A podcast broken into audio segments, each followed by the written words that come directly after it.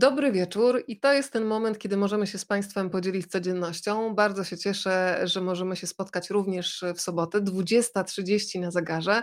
Zapowiadałam, że dzisiaj na pokładzie pojawi się Kasia Zachacz, obietnic dotrzymuję. Kasia, dobry wieczór. Dobry wieczór. Dzień dobry. E, Kasia jest e, stewardessą. Porozmawiamy sobie dzisiaj o Twojej książce z anoreksją na pokładzie Wyznanie stewardesy. Zanim zaczniemy, to tradycyjnie Państwa proszę o to, żeby dzielić się tym spotkaniem, a można to zrobić w prosty sposób. Pod tymi okienkami, w których jesteśmy widoczne, mają Państwo trzy opcje. Można polubić, skomentować, zadać też w tym okienku pytanie i ostatnia opcja, najbardziej po prawej stronie, udostępnij, wystarczy nacisnąć i to spotkanie pojawi się również na Waszej osi czasu. Można też nasze spotkanie śledzić na YouTubie, jeżeli chcecie komuś w ten sposób y, podesłać naszą rozmowę, po prostu kopiujecie link, wysyłacie i już jesteście razem z nami. Zapraszam też do tego, żeby dzielić się informacjami, w jakim miejscu na świecie nas oglądacie i od razu zaczniemy od zlokalizowania Kasi. Kasia, ja dzisiaj rano w zapowiedzi naszego spotkania powiedziałam, że jesteś na urlopie w takim miejscu, o którym ja marzę, e, więc podsyć trochę ciekawość i taki, w taki wirtualny sposób zabierz nas tam, gdzie dzisiaj jesteś. E, dzień dobry, dobry wieczór. Ja jestem e, na jednej z pięknych wysp Azorów. Jestem na e, São Miguel, dokładnie jestem w Ponta Delgadzie. Jest to przepiękna wyspa, pełna zieleni, natury, wokół piękny ocean, szum, wyspa wulkaniczna. Jest bardzo dużo plaż, ciemnych plaż z, z czarnym piaskiem, i przepiękne widoki, szczególnie punkty widokowe na najwyższych szczytach e, wyspy, bo wyspa jest bardzo zróżnicowana, jeśli chodzi właśnie o teren, jest dużo dolin, jest dużo szczytów, jest naprawdę pięknie, a co mi się najbardziej podoba to jest e, cisza i spokój, bo nie ma dużo turystów, e, bo jednak zimą tutaj jest mniej ludzi, tylko lokalni. Kasia, czy to jest Twój pierwszy pobyt właśnie w tym miejscu, czy jakieś tak, powroty? Tak. Pierwszy, tak? Nie, nie, jestem tutaj pierwszy raz, ale bardzo chciałam odwiedzić tę wyspę, bo właśnie bardzo lubię takie, że tak powiem, e, lubię naturę, e, lubię miejsca, w których mogę naprawdę odetchnąć pełną piersią i tutaj tak naprawdę jest te widoki, są niesamowite, dlatego od dawna już mi się marzyło, żeby tutaj przyjechać e, i udało się. Mimo, że trochę było ciężko ze względu na sytuację covidową, która niestety nadal e, panuje, to jednak udało mi się tutaj przyjechać, przylecieć Drodzy Państwo, jeżeli chcecie zobaczyć e, trochę z tej podróży, to e, będę namawiać do podglądactwa profilu instagramowego Kasi. E, mnie uderzyła przede wszystkim Kasia ta zieloność. Słońce to jedno, wiadomo, że nam go brakuje, ale ile tam jest zieleni, człowiek w ogóle odkrywa, ile tych odcieni zieleni może być, że to nie jest jakiś taki kolor płaski, tylko tam jest tyle głębi zdecydowanie ta zieleń tutaj e, po prostu tak oczy odpoczywają, jak, e, jak się patrzy na tą zieleń. Naprawdę jest przepięknie, jest ona taka, taka intensywna, e, bez żadnych filtrów, bez żadnych polepszaczy. Ona po prostu tutaj jest taka piękna i wszystko jest naturalne. Tak naprawdę widziałam wiele miejsc, które wyglądają jakby w ogóle nie były dotknięte przez człowieka i to jest właśnie piękne, że to wszystko jest stworzone przez, przez naturę. Jest naprawdę. Kasia tutaj. Ale jest chłodno i wiecznie. Nie jest tak ciepło, jak wygląda na zdjęciach. Kasia, jest z nami osoba, e, która pojawia się w książce. Teraz to szybciutko w głowie przetworzyłam. E, Aneta Podolska-Kamińska. To w takim razie, skoro wątki się same nam w naturalny sposób pojawiają, e, no to powiedz, dlaczego właśnie pani Aneta jest bardzo ważna w tej opowieści, bo to jest chyba ktoś, kto pozwolił ci się wybrać w taką najważniejszą podróż, czyli podróż do samego siebie i do takiej podróży namawiam zresztą wszystkich, którzy dzisiaj są z nami po drugiej stronie. Tak, e, zdecydowanie jest to. E, jest to osoba, która pomogła mi wydostać się z takiego e, czarnego momentu w moim życiu. Gdyby nie jej pojawienie, tak naprawdę to nie chcę nawet myśleć, gdzie mogłabym być w tym momencie. Kasia, tam jakiś przeciwpożarowy alarm, co tak pipczy? Właśnie się zastanawiam, co tak pipczy i próbuję to namierzyć. Zaraz zlokalizujemy, spokojnie, nie, jest wszystko jest na jest, jest okej, okay. dobra. Nie Wracamy do Anety Podolskiej-Kamińskiej. E, tak, wracamy do, do wątku Anetki.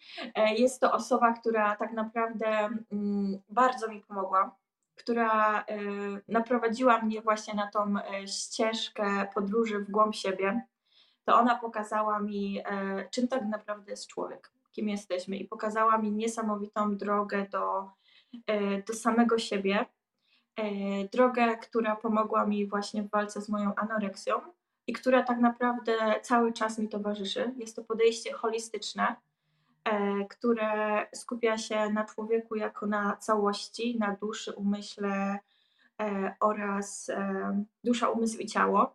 Są to trzy jednostki, które są niesamowite, niesamowicie ważne, a tak bardzo często po prostu pomijane i najczęściej jeśli chodzi na przykład o medycynę zachodnią, skupia się ona tylko na jednej części, a tak naprawdę musimy podejść do człowieka jako do całości szczególnie jeśli chodzi o zaburzenia odżywiania, bo zaburzenia odżywiania są bardzo skomplikowaną e, chorobą, schorzeniem, które tak naprawdę nie dotyczy tylko ciała. Oczywiście jest, e, jeśli ktoś cierpi na zaburzenia odżywiania, to często jest to widoczne e, w wyglądzie, ale nie zawsze.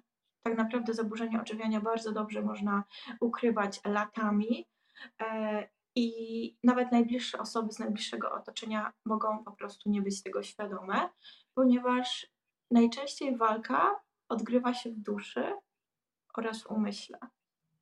To jest, to jest bardzo ważna rzecz. Tak, Kasia, ty piszesz o tym, zresztą łamiesz bardzo dużo stereotypów. Piszesz wprost, że faktycznie można mieć e, nawet idealne BMI, czyli ten Body Max Index, a cały czas mierzyć się z zaburzeniami odżywiania. I bardzo Ci dziękuję, że dzięki tej książce uświadamiasz wszystkim, e, że my naprawdę nie mamy pojęcia, z czym się mierzy człowiek, którego właśnie widzimy, który być może wygląda na osobę spełnioną, szczęśliwą, piękną, bez żadnych problemów. Natomiast w środku rozgrywa się taki wewnętrzny e, dramat i to jest coś, co budzi taką uważność też na słowa, na to też, na to, że bardzo często, bardzo szybko wydajemy jakieś oceny dotyczące innych ludzi. E, słuchaj, pojawiły się tutaj nawet wskazówki, że może to pralka e, i cieszę się, że to hasło Nie. pralka się po, pojawiła, bo pralka mi się kojarzy, ja nazywam, mam taką nawet metaforę takiej mentalnej pralki przed snem, kiedy właśnie nie potrafię sobie ułożyć emocji i to wszystko się kotłuje. I twoja książka też właśnie pokazuje, co się dzieje w takiej pralce w głowie, kiedy człowiek sobie nie jest w stanie poukładać konkretnych emocji. Powiedz najpierw, Kasiu, y, piszesz trochę na wstępie, ta książka była też chyba dla Ciebie rodzajem jakiejś takiej terapii, właśnie chyba układania emocji, bo razem z tak. Tobą teraz czytelnicy mogą sobie je układać, ale kiedy zdecydowałaś, że tak, chcesz opowiedzieć tę historię, żeby też chyba trochę się wyzwolić z jakiegoś takiego nie Twojego wstydu, bo przecież anoreksja nie jest wstydem, ale bardzo często tak jest postrzegana. Tak, ja bardzo długo um, tak naprawdę walczyłam z tym, żeby nie postrzegać tej anoreksji um, jako może czegoś złego, czegoś, czego powinnam się wstydzić, bo bardzo długo obwiniałam się, że to jest moja wina i to jest bardzo typowe w przypadku jakichkolwiek zaburzeń odżywiania i myślę, że też wielu chorób. E, I dużo czasu zajęło mi i tak naprawdę świadomości i zrozumienia i pracy, że anoreksja i zaburzenia odżywiania nie są wyborem osoby chorej. E, I, i to, to trzeba głośno powiedzieć, bo bardzo, bardzo często właśnie takiego typu komentarze, że o po prostu nie je, albo odchudza się, albo wygląda na anorektyczkę, e, to mogą bardzo, e, bardzo boleć i tak naprawdę pogarszać cały proces leczenia. Dlatego bardzo długo zajęło mi uporanie się z tym, że to nie jest moja wina, że po prostu spotkało mnie to i muszę się z tym uporać. E, muszę zacząć z tym walczyć, bo po prostu byłam zmęczona życiem, które, które miałam przez, przez pewien okres czasu. I właśnie Aneta też była taką osobą, która, która mi pomogła w tym, która, która się pojawiła właśnie w tym momencie, kiedy ja już miałam tego, e, tego dość po prostu i chciałam, chciałam coś zmienić.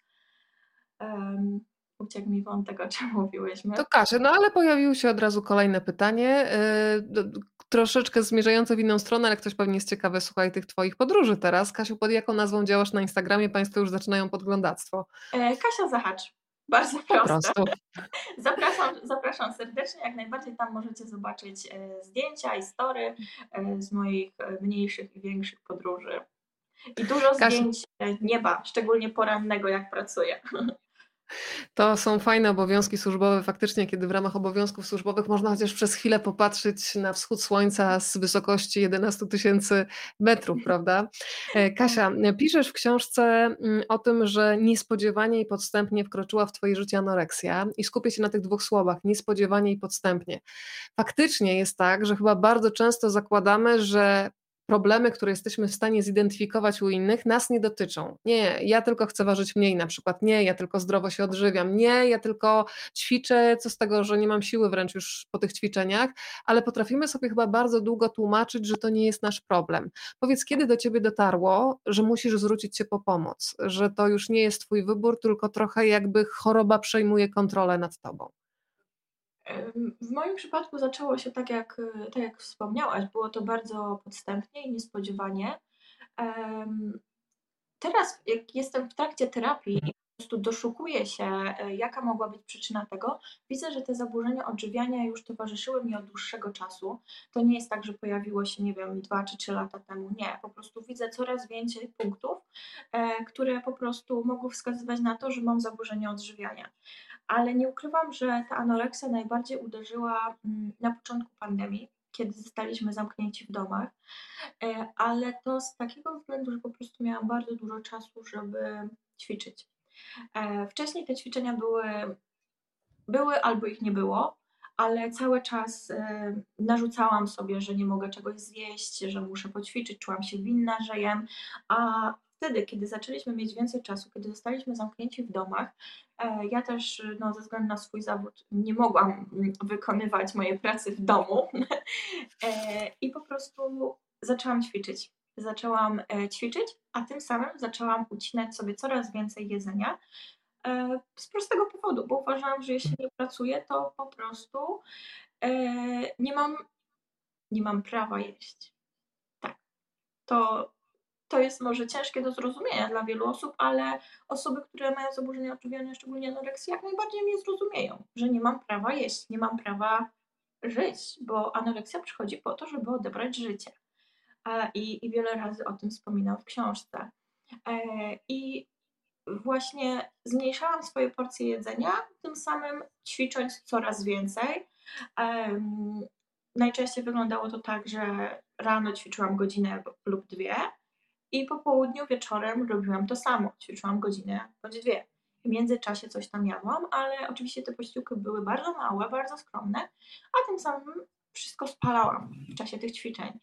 E, I bardzo długi czas nie widziałam żadnego problemu. Uważałam, że, że jest ok, bo po prostu prowadzę zdrowy tryb życia, e, dbam o siebie, Przecież wszyscy teraz ćwiczą, wszyscy jedzą zdrowo, bo tutaj w międzyczasie jeszcze się wkradła ortoreksja, czyli e, zwracanie uwagi na to, co jem. E, wybierałam tylko zdrowe produkty, ale co z tego, że wybierałam zdrowe produkty, jak e, nie dostarczałam wystarczających minerałów, witamin, podstawowych produktów dla mojego organizmu i on zaczął w międzyczasie po prostu umierać, bo nie dawał sobie rady z, z tym wysiłkiem, który prowadziłam. Nie miał po prostu um, energii na podstawowe, podstawowe czynności.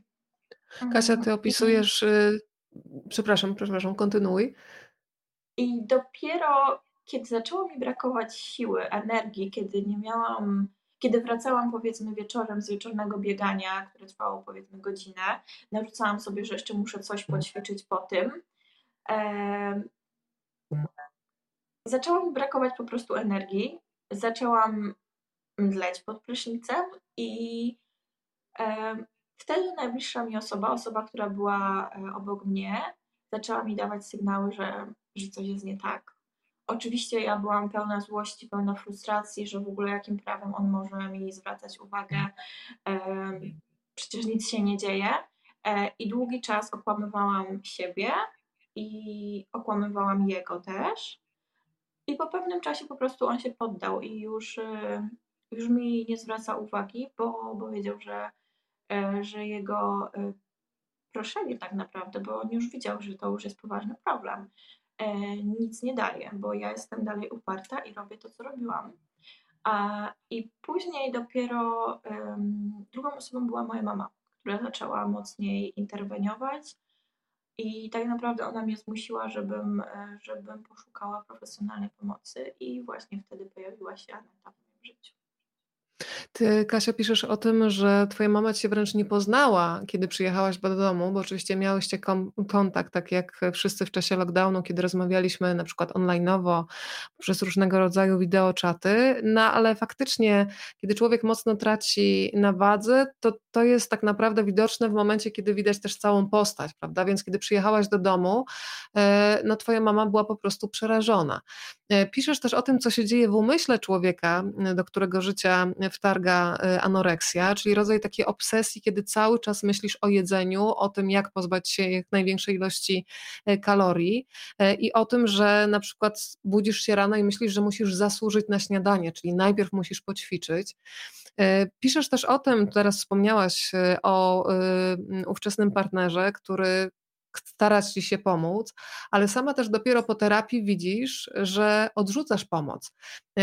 Na czym polega ten taki mechanizm izolowania się, że nawet ludzi, którzy teoretycznie chcą dobrze, izolujemy gdzieś, odciągamy na bok od problemu, y, co się wtedy działo w Twojej głowie, bo to musiało być bardzo trudne, bo czułaś bezradność, czułaś bezsilność i frustrację, a jednocześnie nie wiedziałaś, nie potrafiłaś przyjąć y, pomocy czy propozycji pomocy. E, to jest bardzo ciężkie, żeby zaakceptować tą pomoc. I tak naprawdę na początku to wyglądało tak, że obwiniałam osoby wokół mnie, które mi mówiły, że powinnam zacząć więcej jeść, że powinnam mniej ćwiczyć, e, że coś się dzieje niedobrego. Ja byłam po prostu na nich wściekła. Ja po prostu chciałam, żeby wszyscy znikli, żeby mi dali święty spokój, bo ja byłam z moją chorobą, która mnie e, prowadziła w złym kierunku, a w stosunku do osób, które były wokół mnie, po prostu czułam złość po prostu chciałam, żeby nic nie mówiły, bo, bo to mi nic nie pomagało tak naprawdę. I odizolowałam się od wszystkich tak naprawdę. I dopiero wtedy, kiedy zrozumiałam, że coś się dzieje niedobrego, kiedy dotarło do mnie, że rzeczywiście moje życie wygląda tak, że myślę tylko o jedzeniu, skupiam się tylko na tym, e, ile muszę poćwiczyć i co muszę zrobić, żebym mogła sobie coś zjeść, dopiero wtedy zaczęłam tak naprawdę widzieć tą ich pomoc e, i prosić. Tylko osobie chorej jest niesamowicie trudno pomóc, mm, bo tak naprawdę osoby z najbliższego otoczenia nie mogą pomóc to jest może taki paradoks, bo wiem, że osoby, które były wokół mnie, bardzo chciały mi pomóc. E, I, I mówiłam w takim razie, pomóżcie mi, ale jedyną osobą, którą mogła mi pomóc, byłam ja sama. Ja sama musiałam po prostu wstać i zacząć walczyć, e, bo nikt tego, tego za mnie nie zrobił. Nikt nie zaczął tej walki, która jest w moim umyśle, tej walki pomiędzy mną a anoreksją. A osoby, które były wokół mnie, teraz widzę z perspektywy czasu, pomogły mi najbardziej jak potrafiły, bo były przy mnie. I to wsparcie, że mam ich obok siebie, to była największa pomoc, jaką od nich otrzymałam. Szczególnie właśnie e, mojego partnera ówczesnego, który e, to ogląda teraz, ale obstawiam, że nic nie rozumiem, bo nie mówi po polsku. E, I mojej mamy, i właśnie Anety później. I, i całej mojej najbliższej rodziny, która, która mnie wspierała. Kasia, powiem Ci, że bardzo się uśmiechałam, kiedy pisałaś o swoim ówczesnym partnerze. Przede wszystkim o tym, że Została między wami przyjaźń, ważna relacja, bo bardzo bliskie jest mi takie mhm. podejście, to jest oczywiście coś, na co trzeba wypracować, żeby w człowieku po jakimś związku pozostała wdzięczność za pewien etap, które było nam dane przejść, bo często jest tak, że ludzie jednak rozstają się w złości, w jakimś takim ogromie żalu i to ich tylko męczy potem przez całe życie, a sztuką jest to, żeby faktycznie takie relacje, o ile jest to możliwe, pielęgnować i zostawić w sobie taką wdzięczność za pewien etap. Ja wierzę w to, że ludzie się pojawiają na naszej drodze czasami po to, żeby przejść właśnie jakiś kawałek, przeżyć razem jakiś rozdział i, i bardzo też doceniam to, że to jest wyczuwalne w Twojej książce, taka e, wdzięczność e, za to, co było. E, Kasia, mm, skupmy się teraz na tym, że ta anoreksja tak naprawdę przychodzi do życia, tak jak powiedziałaś, niepostrzeżenie, zbliża się krok po kroku. Piszesz o tym, że na początku, kiedy skupiasz się na tym, żeby schudnąć, patrzysz ile tam kilogramów spada z wagi, no to, że odczuwałaś taki rodzaj mm, satysfakcji, kontroli, że masz wpływ na coś, że potrafisz przestrzegać jakiejś dyscypliny, rygoru, konsekwencji którym momencie zaczęłaś czuć, że jednak ta granica tego, żeby wpaść w chorobę jest już bardzo blisko? Tym bardziej, że jeszcze pogadajmy o tym etapie, kiedy byłaś w pracy i nagle zaczęłaś zauważać, że tak naprawdę zaczyna ci brakować sił do wykonywania swoich obowiązków służbowych. Na przykład wspominasz o tym, że teoretycznie y, możesz pomóc jakiemuś podróżnemu wsadzić bagaż do schowka, ale łapiesz się na tym, że masz coraz mniej sił. E, tak, ale ten najgorszy moment, którym byłam najbardziej słaba, e, powiedzmy na szczęście, nie musiałam pracować, bo on właśnie mhm. przypadł na czas pandemii, kiedy nie latałam. E, I tak naprawdę teraz z perspektywy czasu widzę, że, że to dobrze, że nie latałam, bo, bo nie byłabym po prostu w stanie latać. A, a później, jak już zaczęłam wychodzić z tego najgorszego momentu, wtedy też praca, co mi pomogła tak naprawdę była takim motorem do działania, żeby po prostu zacząć walczyć o siebie, bo ja swoją pracę bardzo kocham i sobie nie wyobrażam póki co e, życia bez latania. E, I dlatego też zaczęłam walczyć, dlatego też bardzo mi zależało, żeby odzyskać te siły, bo po prostu wiedziałam, że, że nie mam siły, że nie mam siły na podstawowe, podstawowe rzeczy i czynności. I e, jak wróciłam do latania, to wtedy też stopniowo właśnie zaczęłam odzyskiwać siły, też trochę mentalne e, i, fizyczne przede wszystkim. No to trochę porozmawiajmy o tym e, momencie. Powiedziałaś, że to jest taka Twoja e, praca marzeń, czyli właśnie latanie. Kasia, jestem bardzo ciekawa, jak to wygląda. To jest pewnie bardzo różne w różnych liniach lotniczych, ale jak bardzo właśnie ten aspekt zewnętrzny jest czymś, y, co czasami być może uniemożliwia pracę w tym zawodzie. Ja specjalnie y, dzisiaj przed dzisiejszym spotkaniem zaczęłam się sama zastanawiać, ile razy w ciągu mojego zawodowego życia właśnie jakaś zewnętrzność decydowała o tym, czy gdzieś mogę się sprawdzić lub nie. Przypomniałam sobie sprzed lat jakiś taki casting, gdzie wszystko było ok do momentu, kiedy zostałam zapytana o to, kiedy ściągnę aparat ortodontyczny, i do momentu, kiedy go nie ściągnę, to jednak nie powinnam występować przed kamerą. I pomyślałam sobie wtedy, że no jednak to jest dość absurdalne, mm, że to jest drobnostka, przecież aparat ortodontyczny, ale pomyślałam sobie, zaczęłam szerzej myśleć. W telewizji jest bardzo mało osób, nie wiem, które występują, y, a na przykład mierzą się z niepełnosprawnością i poruszają się na wózkach, ale to wcale nie zmniejsza ich możliwości intelektualnych, wrażliwości i doświadczenia.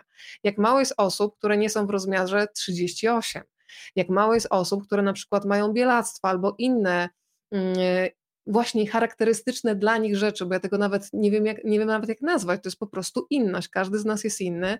I pomyślałam sobie, że to powoduje, że każdy, mhm. kto mierzy się z czymś po cichu, jest potem bardzo samotny, no bo okazuje się, że no dzisiaj to bym nawet powiedziała, że aparat ortodontyczny to jest nawet modny, bo coraz więcej osób go nosi i tak. nawet się potrafi bawić gumeczkami i traktować to jako biżuterię. E, no ale powiedz, jak jest w liniach lotniczych? Czy są jakieś takie wymagania, które trzeba spełnić i kiedy pracodawca może ci powiedzieć, że nie, właśnie tylko i wyłącznie ze względu na wygląd? Mm, na przykład y, podstawowa rzecz w liniach lotniczych musi być y, osiągnięty minimum wzrostu. To zależy od linii lotniczej. E, no i nie wiem dokładnie ile to jest. Wydaje mi się, że przeważnie w każdej linii to jest około 1,60 m. Jest to po prostu ważne z prostego powodu. Mm, bardzo często musimy sięgnąć wysoko po jakiś e, mm, chociażby equipment, uciekło mi słowo polskie ale wiesz co, bo ja też y, rozumiem jakby to, to, co teraz mówisz, że faktycznie tak jak nie wiem, pilot musi mieć fantastyczny wzrok, no bo od tego zależy bezpieczeństwo. Ten wzrost tutaj faktycznie to jest już potrzebny, tak. żeby nie wiem, sięgnąć do tego schowka bagażowego, czy w jakikolwiek sposób fizycznie po prostu się poruszać. Ale tak. zastanawiam się, jak często macie instrukcje, nie wiem, kolor szminki, włosy, które mają być A, właśnie tak, idealnie, nie wiem, właśnie y, aparat ortodontyczny jest możliwy, czy nie? Jak to e, wygląda? Akurat aparat ortodontyczny, tak jak w mojej linii nie byłoby z tym problemu, ale na przykład cały czas jesteśmy jesteśmy sprawdzani pod względem tego, czy e, nasza szminka pasuje do e, paznokci, odcień szminki pasuje do paznokci. E, mamy oczywiście wytyczne, jeśli chodzi o odcienie tej szminki, o kolor paznokci. Jeśli chodzi o paznokci, mogą być tylko różowe, czerwony bądź French. Tak samo szpinka może być tylko czerwona albo różowa. Dlatego teraz na przykład jak jestem na wakacjach, to bardzo się cieszę, że sobie mogę pomalować paznokcie na biały albo zielony.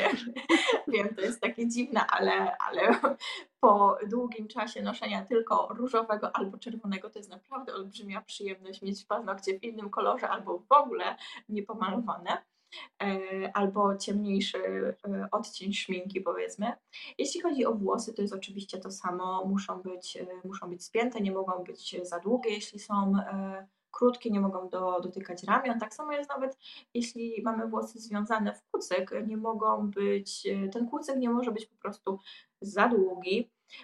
To samo jeśli chodzi o biżuterię, o kolczyki, o tatuaże na przykład, no to w ogóle jak jest tatuaż widocznym miejscu, to to już jest no, dyskwalifikacja, że tak powiem.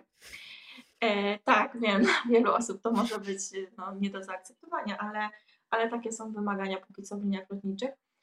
I tutaj można y, nawiązać do mojej książki. W wielu liniach lotniczych jest również ograniczenie, jeśli chodzi o wagę. E, są takie linie lotnicze, które y, ważą pracowników y, przed przelotem. A rozumiem, że to jest bardzo rygorystyczne, to są jakieś widełki, tak? tak. Nie, to nie jest tak, kwestia tak, tak. gramów, ale rozumiem, że na przykład 3 kg już mogą być problemem? Myślę, że tak. To jest bardzo, bardzo kontrolowane. W mojej linii lotniczej akurat nie, ale w innych e, to jest bardzo rzadkie. Akurat jeśli chodzi o wagę, to jest bardzo rzadkie, aczkolwiek spotkałam się z tym że, że na przykład w czasie rozmowy kwalifikacyjnej czy w, w trakcie podania wskazuje się tam właśnie wagę. I to już jest takie dość mocno ograniczające, e, bo jednak waga wadze nierówna, że tak powiem. A najważniejsze chyba jednak, jak ktoś wygląda, jak się czuje, a nie, nie jednak jaki jest ten, ten, ten, ten numer na, na wadze. Zdecydowanie i tu od razu mi się w głowie taki refren e, wyświetla, że mm, My naprawdę pamiętamy często po latach, jak się czujemy w czyimś towarzystwie, a kompletnie zapominamy, ile ten ktoś waży. To naprawdę nie ma znaczenia. Oczywiście ja rozumiem e, sytuację, kiedy ktoś, nie wiem, na przykład z ogromną otyłością po prostu nie mógłby się swobodnie poruszać i tym samym nie mógłby pomóc e, pasażerom, e, ale te takie bardzo restrykcyjne tutaj granice no, mogą być też czymś, co może wywoływać tego typu problemy. Ja się zatrzymałam przy takich danych, Kasia, w Twojej książce, które pokazują, że ten problem z kilogramami zaczyna się w naszej głowie bardzo wcześnie. Zaburzenia odżywiania dotykają coraz młodsze dzieci, piszesz. Badania pokazują, uwaga drodzy Państwo, że dziewczynki już w pierwszych klasach szkoły podstawowej nie ukrywają, że chciałyby być szczuplejsze, a ponad 80% dziesięciolatków boi się przytyć. E, no i to są takie informacje, które przyznaję, że bardzo mocno się na twardym dysku w mojej głowie zapisują, bo też uświadamiają mi, żeby bez sensu, na przykład przy małych dziewczynkach, z którymi przebywam, nie klepać. Mówię o takim klepaniu, bo człowiek nawet tego tak racjonalnie nie, nie uchwyci w momencie, kiedy się tym zajmuje, nie wiem, o dietach, o tym, czy schudłam, czy zgrubłam, bo to dziecko nagle, skoro słyszy to non-stop, no to kojarzy, że to jest chyba bardzo ważne i że zaczyna się tym przejmować. Pamiętasz w ogóle jakieś takie wydarzenia e, właśnie ze szkoły? Ja znalazłam swoje pamiętniki z roku 96, kiedy miałam 14 lat, no i już tam czytam, że dowiedziałam się, słuchaj, od innych, że mam rozbudowane biodra, że jestem żyrafą i to wszystko, słuchaj, ja to przyjmowałam za, za moje no taka już jestem i czułam się gorsza, inna, bo inni byli mniejsi, nie mieli tych bioder i byłam przerażona, że już wtedy to było tak istotne. To jest właśnie mój taki kompleks, który też mam, że moje, moje uda są bardzo masywne, bardzo takie no większe i ja bardzo dalej uważam, że jakoś próbuję się z tym pogodzić, ale na pewno zaakceptowałam to bardziej niż kilka lat temu. I właśnie jak tak mocno się odchudzałam, bardzo mi zależało na tym, żeby e, stracić ten tłuszcz na udach. A dopiero później uświadomiłam sobie, że tak naprawdę ja po prostu mam tak zbudowane te uda i tak zbudowane mięśnie.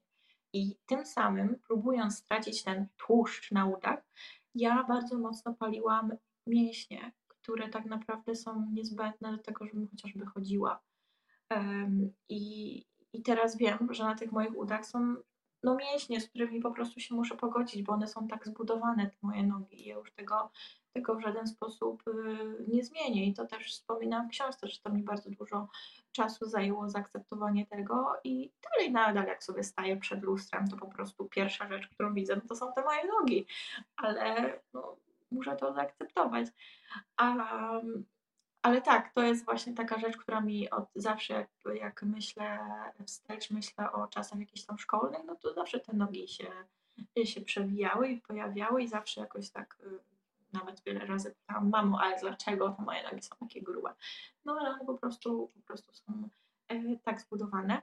A wracając do tych statystyk, mm, o których wspomniałaś, bardzo mi też zależało właśnie, żeby w tej książce wybrzmiały takie liczby, e, z tego względu, żeby zaznaczyć, jak poważnym problemem są zaburzenia odżywiania.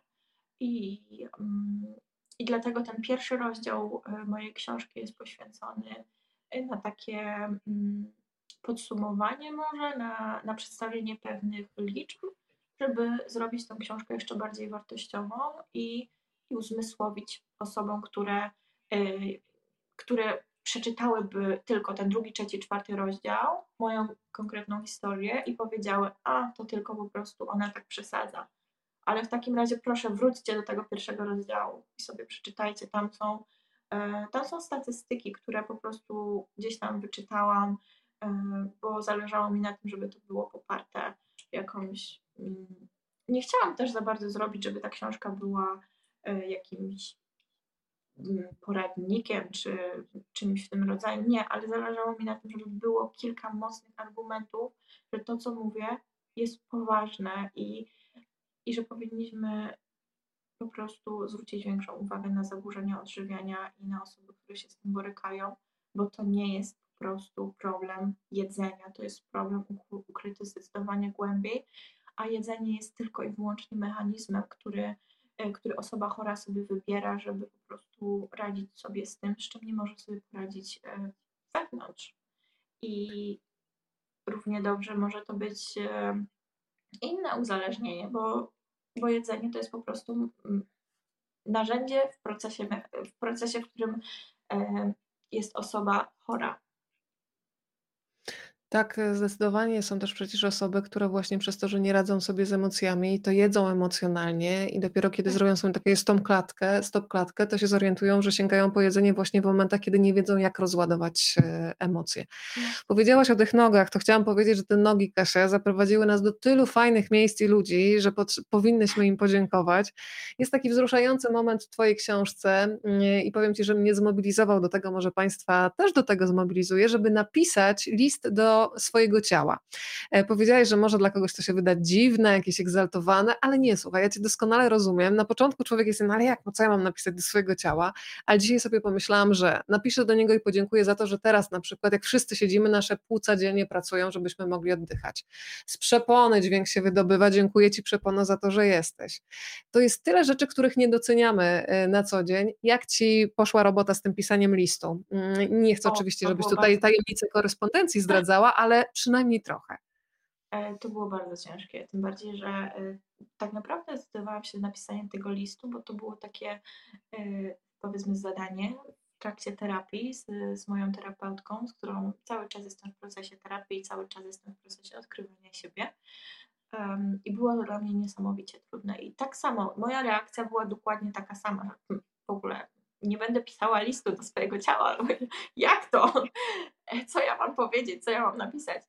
Ale tak naprawdę wystarczyło napisanie jednego zdania, a później po prostu pisałam to, co myślałam i to, co czułam.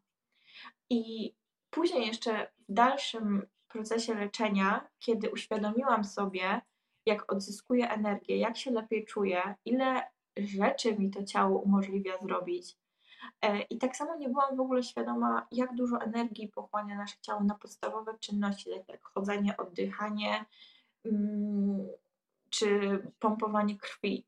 I dopiero w, momencie, kiedy czułam się bardzo słabo, kiedy nie miałam tej energii, e, to sobie uświadomiłam, że tak naprawdę nasze ciało to jest bardzo skomplikowana maszyna, ale niesamowicie inteligentna. Nasze ciało jest bardzo inteligentne i wystarczy nauczyć się go słuchać e, zwracać uwagi na to, co nam chce powiedzieć, na to, y, w jaki sposób się czujemy, na to nawet y, jaka krosta nam wyskoczy, nie wiem, na ręce, nodze, twarzy, to jest wszystko jakiś znak od naszego ciała. Po prostu musimy być w stanie, musimy się nauczyć tego słuchać i nie ignorować tego, że nie wiem, boli nas głowa. Jakiś jest powód tego, że boli nas głowa, a nie od razu sięgać po, po proszek czy tabletkę.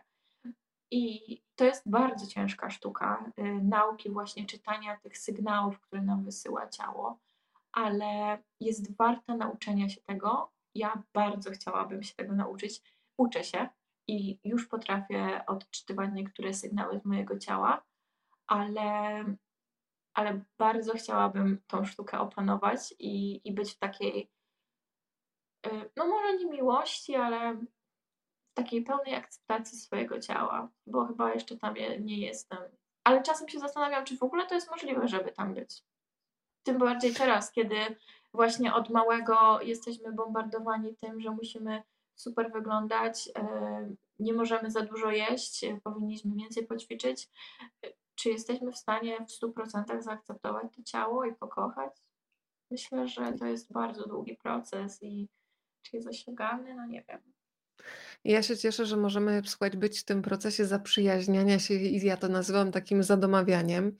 E, bardzo wiele momentów, wiesz co, jakoś otworzyła w mojej, w mojej głowie twoja książka. Jest taki fragment, który myślę, że też może pomóc bardzo wielu osobom, kiedy piszesz o tym, że często mówimy najbardziej surowe i trudne słowa, które kierujemy w swoim kierunku. Nikt z zewnątrz nam nie powie czegoś tak okrutnego. Ja sobie przypomniałam taki moment ze swojego życia, mm, który pewnie był też trochę połączony z jakimiś zaburzeniami hormonalnymi, gdzie to moje postrzeganie siebie było straszliwie zaburzone i potrafiłam, słuchaj, gasić światło, żeby nie patrzeć na siebie wieczorem w, w, w umywalce. I sobie pomyślałam, no nie jest dobrze, Natomiast uświadomiłaś mi, że w takich sytuacjach warto czasami sobie pomyśleć, czy powiedziałbyś coś tak niefajnego, co właśnie mówisz do samego siebie, swojemu przyjacielowi, albo nawet obcej osobie. No w życiu bym czegoś takiego, co mówiłam wtedy do siebie, nie powiedziała.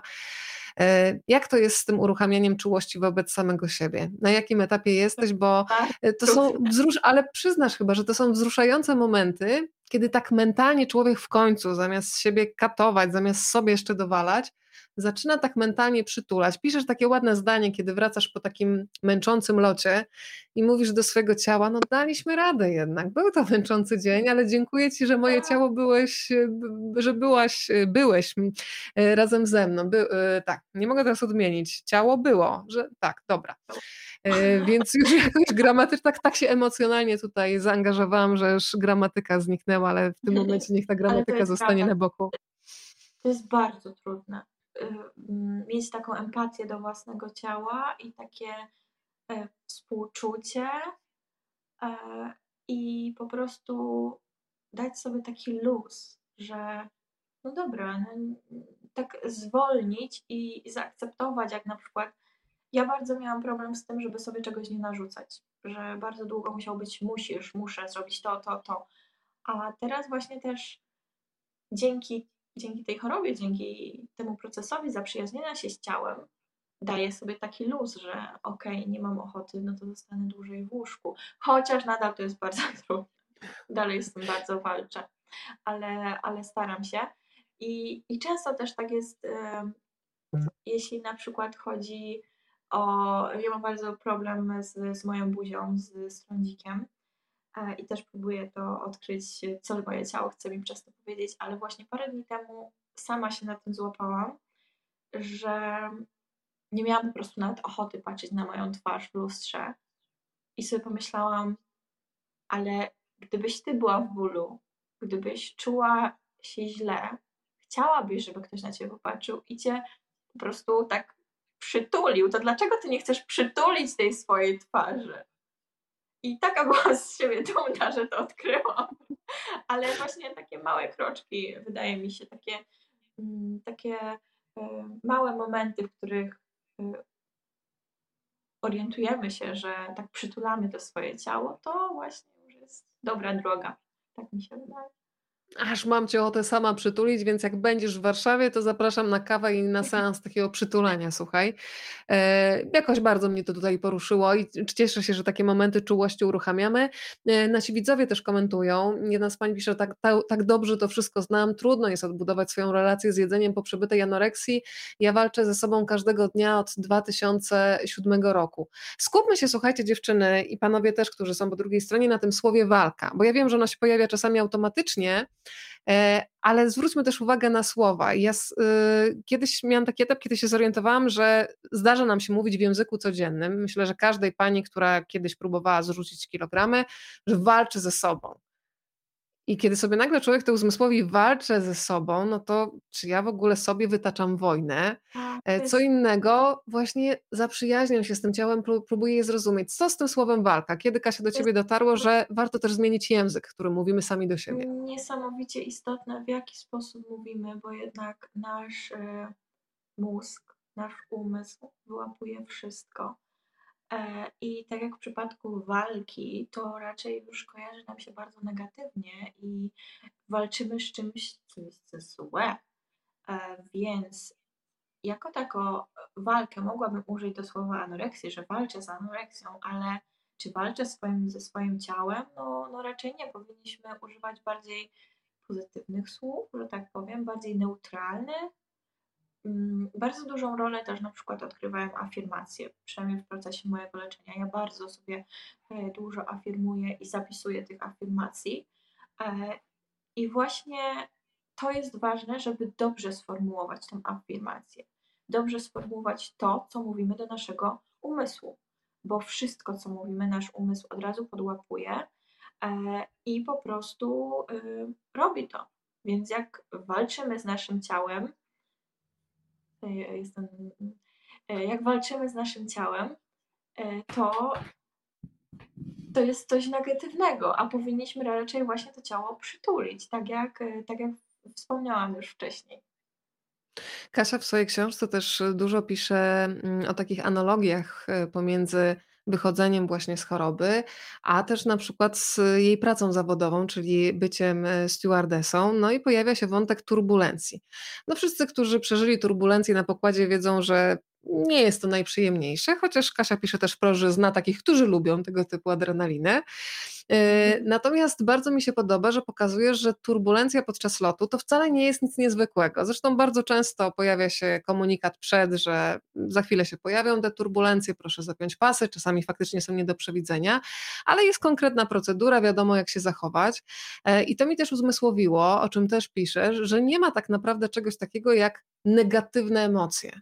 One nie są złe, one są potrzebne, mogą być nieprzyjemne, ale tak jak powiedziałaś, coś konkretnego nam komunikują.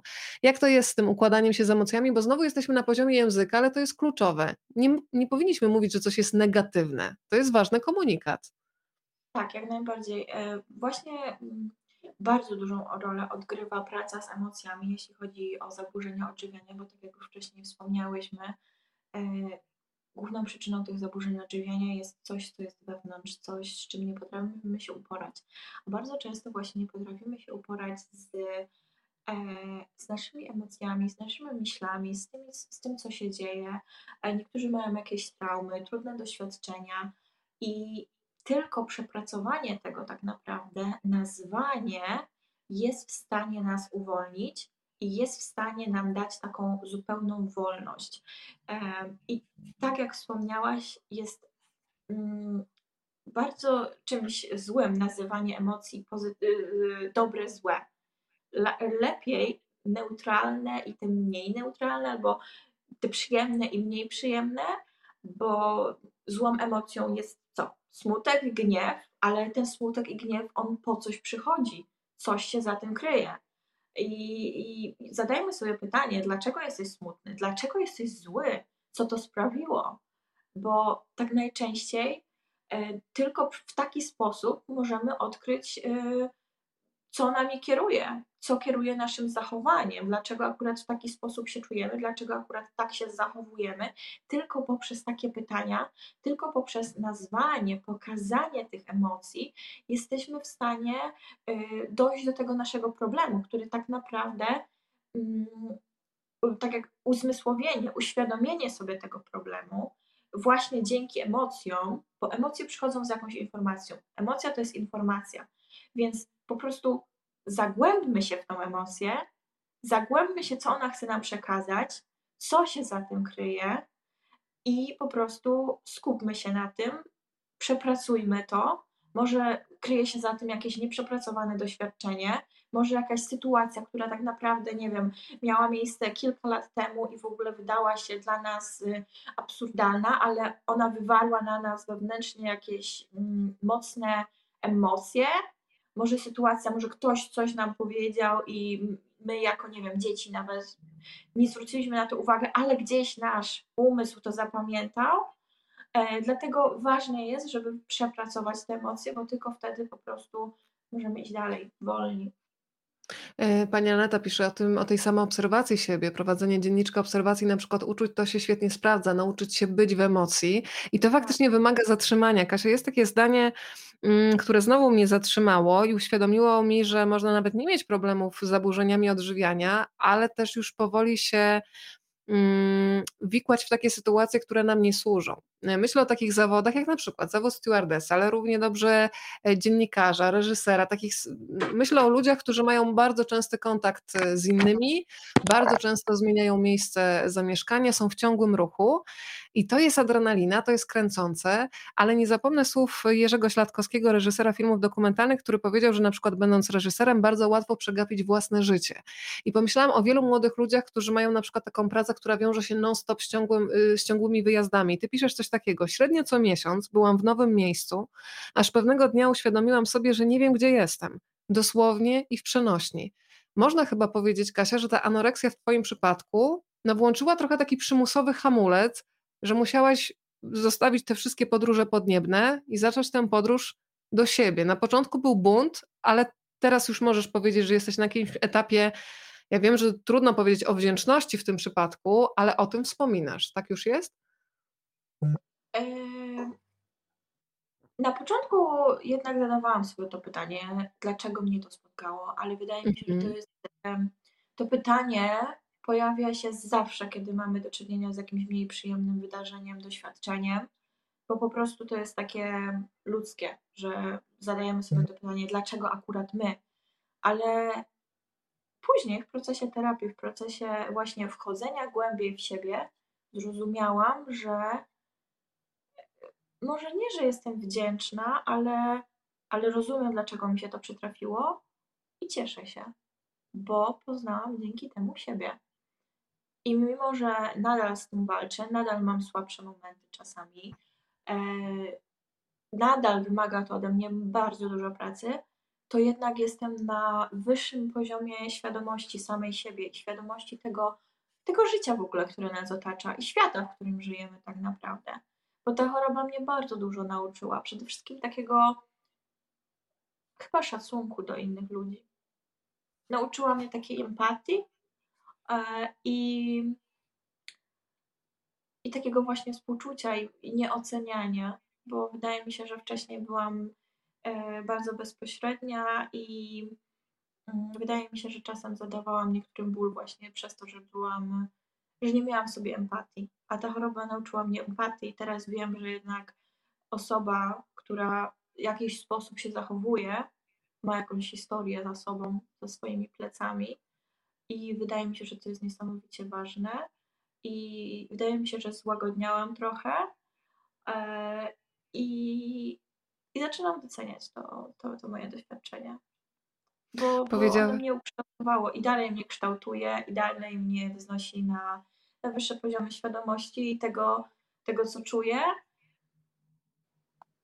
I tak, jestem wdzięczna chyba za to, że co się wydarzyło. Mimo, że sprawiło mi to olbrzymi olbrzymi ból.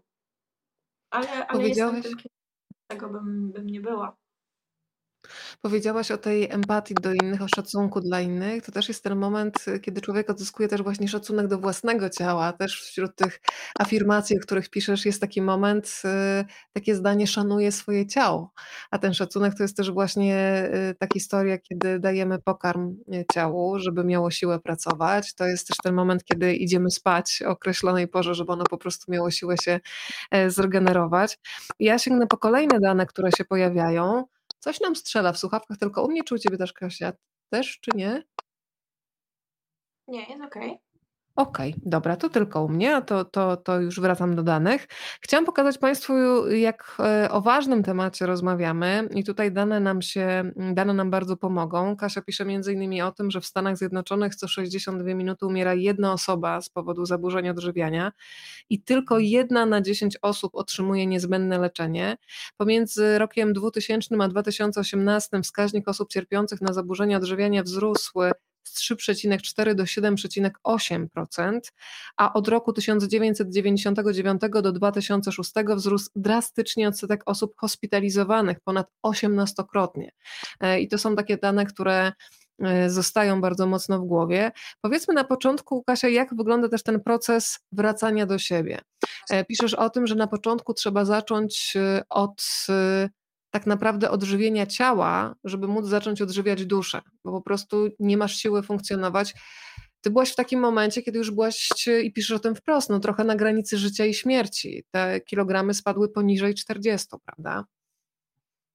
Tak, zgadza się. I te dane, jeśli na przykład chodzi o to, że w Stanach umiera co 60 minut y, osoba, to po prostu dalej, mimo że już y, od dawna znam te dane, to one nadal dla mnie są takie dość nadal wywierają wrażenie, że tak powiem, e, bo to jest bardzo smutne, jak bardzo w ostatnich latach ten odsetek osób chorych wzrósł, a nie zapominajmy, że mamy pandemię i ostatnie dwa lata osoby, które zostały zamknięte w domu, bardzo dużo osób sobie właśnie zaczęło radzić z tą bieżącą sytuacją za pomocą jedzenia albo właśnie e, idąc z jednej skrajności, czyli e, z anoreksji, w drugą, czyli w bulimię, przejadanie się.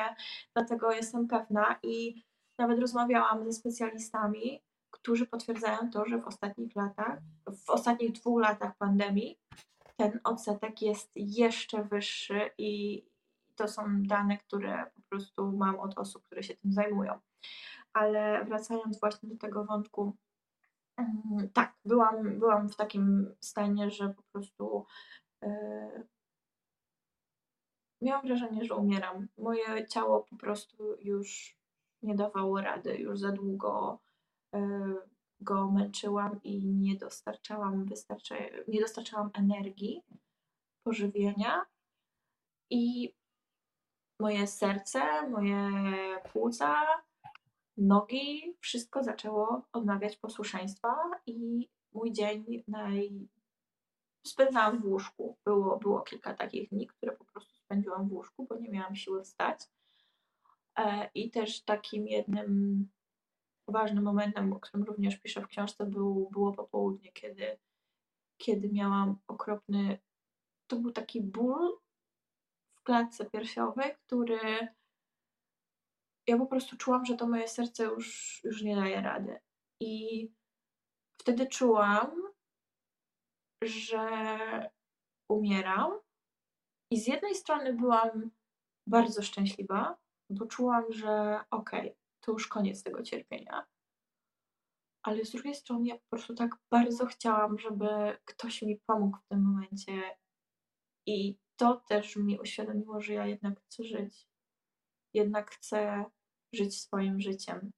I ten moment też był taki dość znaczący, bo później na drugi dzień, jak się obudziłam, w ogóle bardzo się bałam wtedy zasnąć, bo, bo, bo myślałam, że się nie obudzę.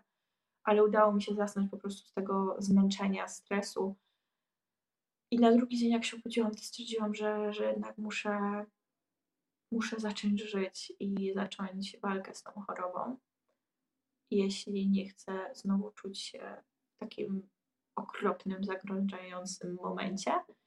E, I wtedy też właśnie mm, zaczęłam, tak, na początku bardzo ważne jest, żeby odżywić swoje ciało, bo nieodżywiane ciało to jest przede wszystkim nieodżywiony mózg, a nieodżywiony mózg nie myśli w sposób, w sposób klarowny, tylko mm, jest w ogóle bardzo, y, bardzo się zmieniłam pod względem takim y, nie tylko fizycznym, ale właśnie umysłowym. Byłam zamknięta, pełna, e, pełna takiego smutku, wycofania. W ogóle nie mogłam się skupić.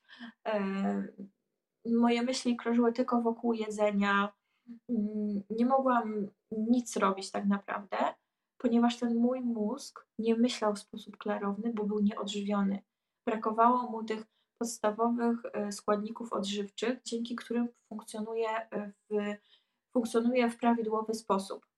E, dlatego też na przykład bardzo ważne dla mnie było, żeby ta książka była napisana w taki dość prosty i czytelny sposób, żebym mogła trafić do tych osób, które są chore.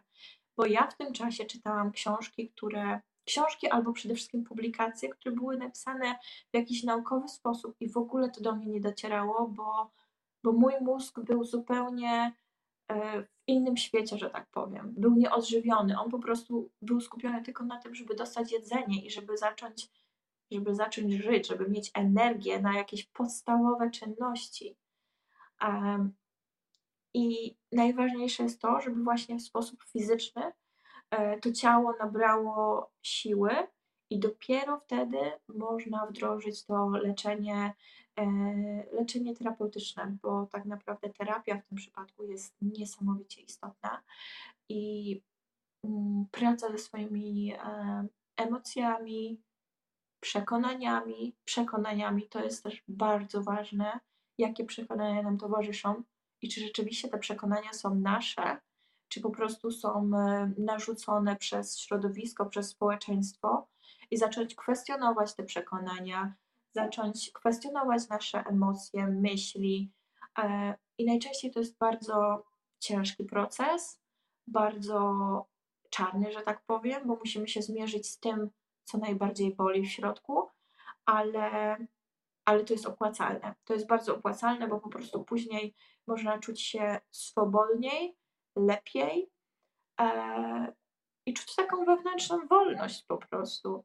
E, ale właśnie terapia jest niesamowicie istotna w, w procesie leczenia zaburzeń odżywiania.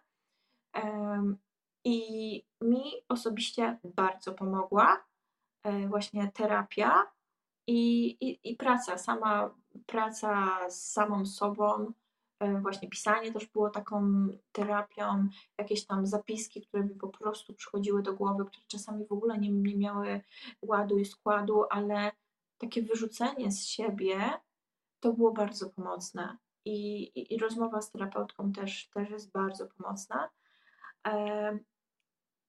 I też tutaj chciałabym nawiązać do takiego wątku, że bardzo dużo osób myśli, że jeśli ktoś ma zaburzenia odżywiania, to w ogóle e, wystarczy, że pojedzie do szpitala, e, tam mm, zostanie po prostu e, podreperowany, że tak powiem, fizycznie i to rozwiąże całą sprawę. Nie szpital w takim przypadku osoby, która już jest naprawdę y, na, która jest naprawdę w bardzo złym stanie fizycznym, tak, ale jeśli ta osoba jest w stanie, e, nie jest w stanie zagrażającym życiu, uważam, że to jest y, bardzo złe wysyłać taką osobę do szpitala, ponieważ tam skupiają się tylko na tym, żeby dostarczyć jakąś tam powiedzmy 1000 czy 1500 kalorii, a nie pracują nad głową, czyli nad tym, co jest najważniejsze w procesie leczenia.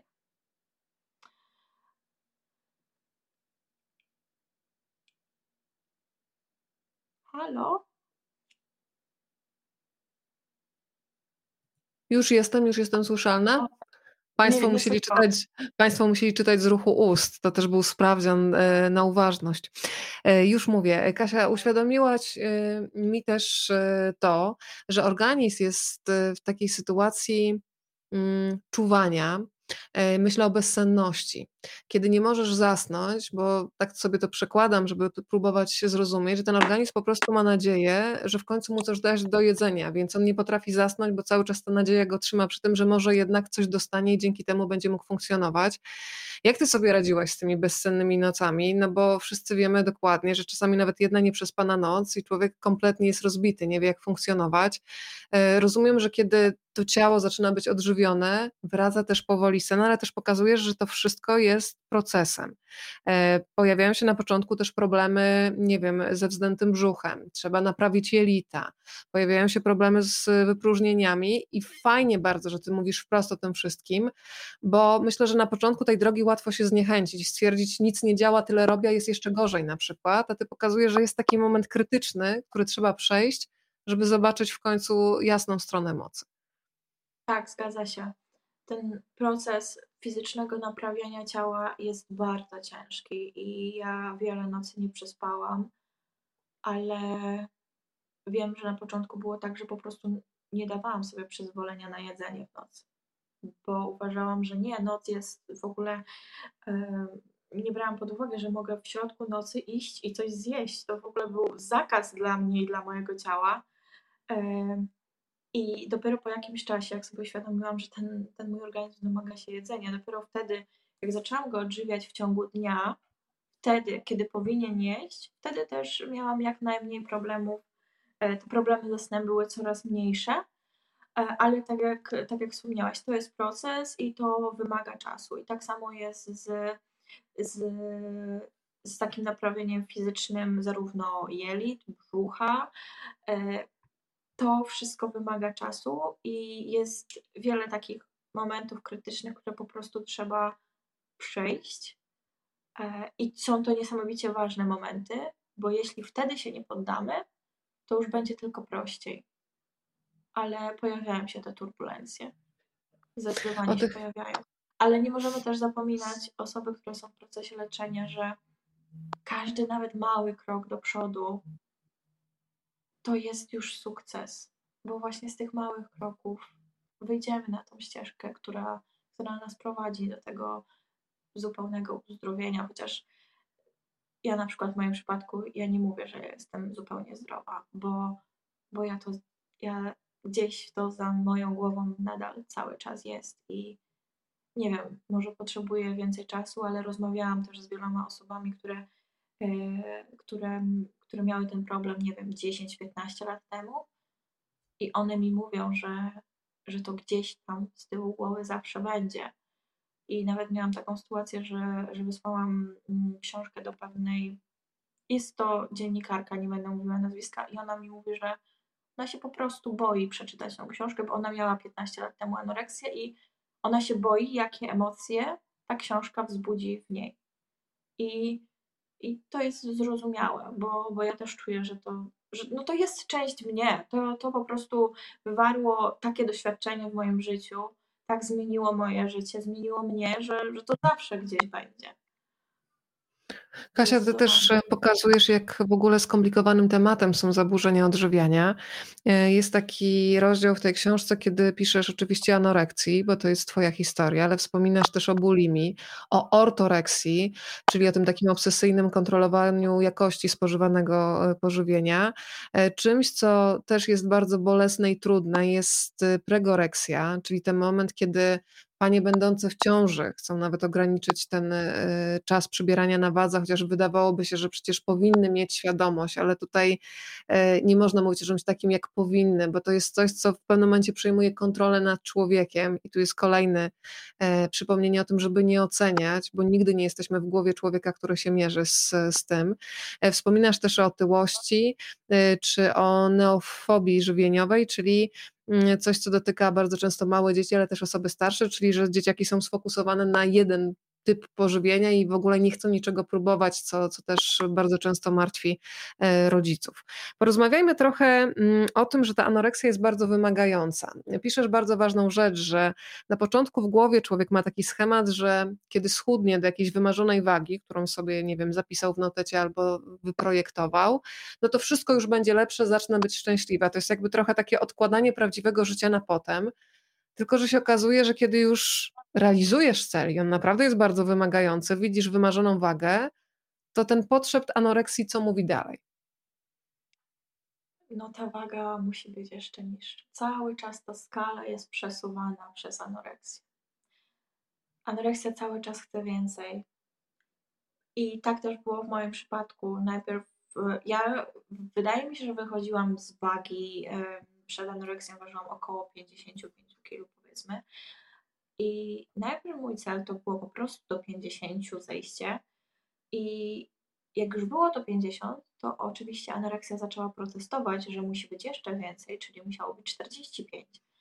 Ale jak było 45, to oczywiście ta anoreksja była dalej niezadowolona i skończyłam na wadze 36-37 w momencie krytycznym.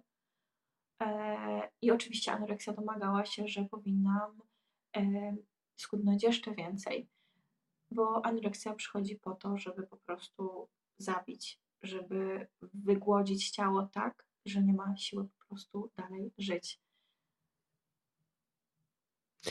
Kasia, gdybym Cię teraz zapytała o to, jak można pomóc, widząc, że ktoś bliski nam mierzy się z tego typu zaburzeniami odżywienia. Ty piszesz o tym, że miałaś takie znienawidzone wręcz zdania, które słyszałaś, na przykład zjedz więcej, coś co powodowało wręcz alergię, jeszcze większą złość i frustrację. Jak można, powiedziałaś bardzo wyraźnie zresztą na początku naszej rozmowy, że e, tej zmiany i tego wyjścia z choroby musi przede wszystkim chcieć osoba, która choruje, mm, no bo to ona toczy tę walkę najważniejszą ale jakie komunikaty mogą być wspierające? Może jakieś takie pytania otwierające, które właśnie pokazują osobie chorej, chorującej, że jestem obok, wspieram cię. Bo czasami chcąc dobrze można niestety kogoś zranić, więc czego unikać, a w jaki sposób można wysłać pozytywny komunikat, taki, który nawet jeżeli nie pomoże, to przynajmniej nie będzie podcinał skrzydeł.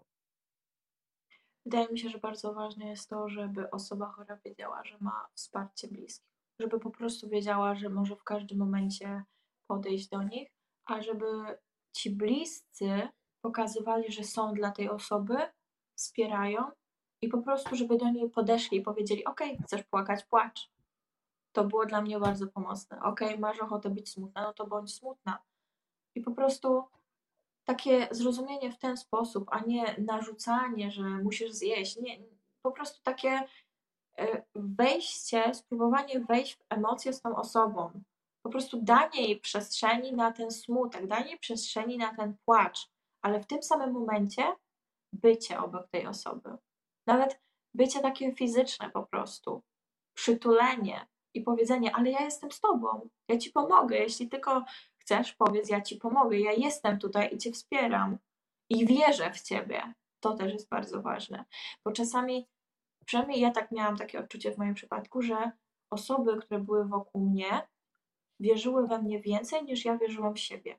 Bo ja w siebie nie wierzyłam. Nie wierzyłam, że, że będę w stanie w ogóle zacząć walkę z tą chorobą, że będę w stanie się sprzeciwić tej chorobie. A właśnie osoby, które były wokół mnie, powiedziały mi, że przecież ty jesteś silna, ty dasz radę. I wydaje mi się, że dzięki temu też y, też stałam i po prostu zaczęłam, e, zaczęłam walczyć, zaczęłam walczyć o, o swoje życie.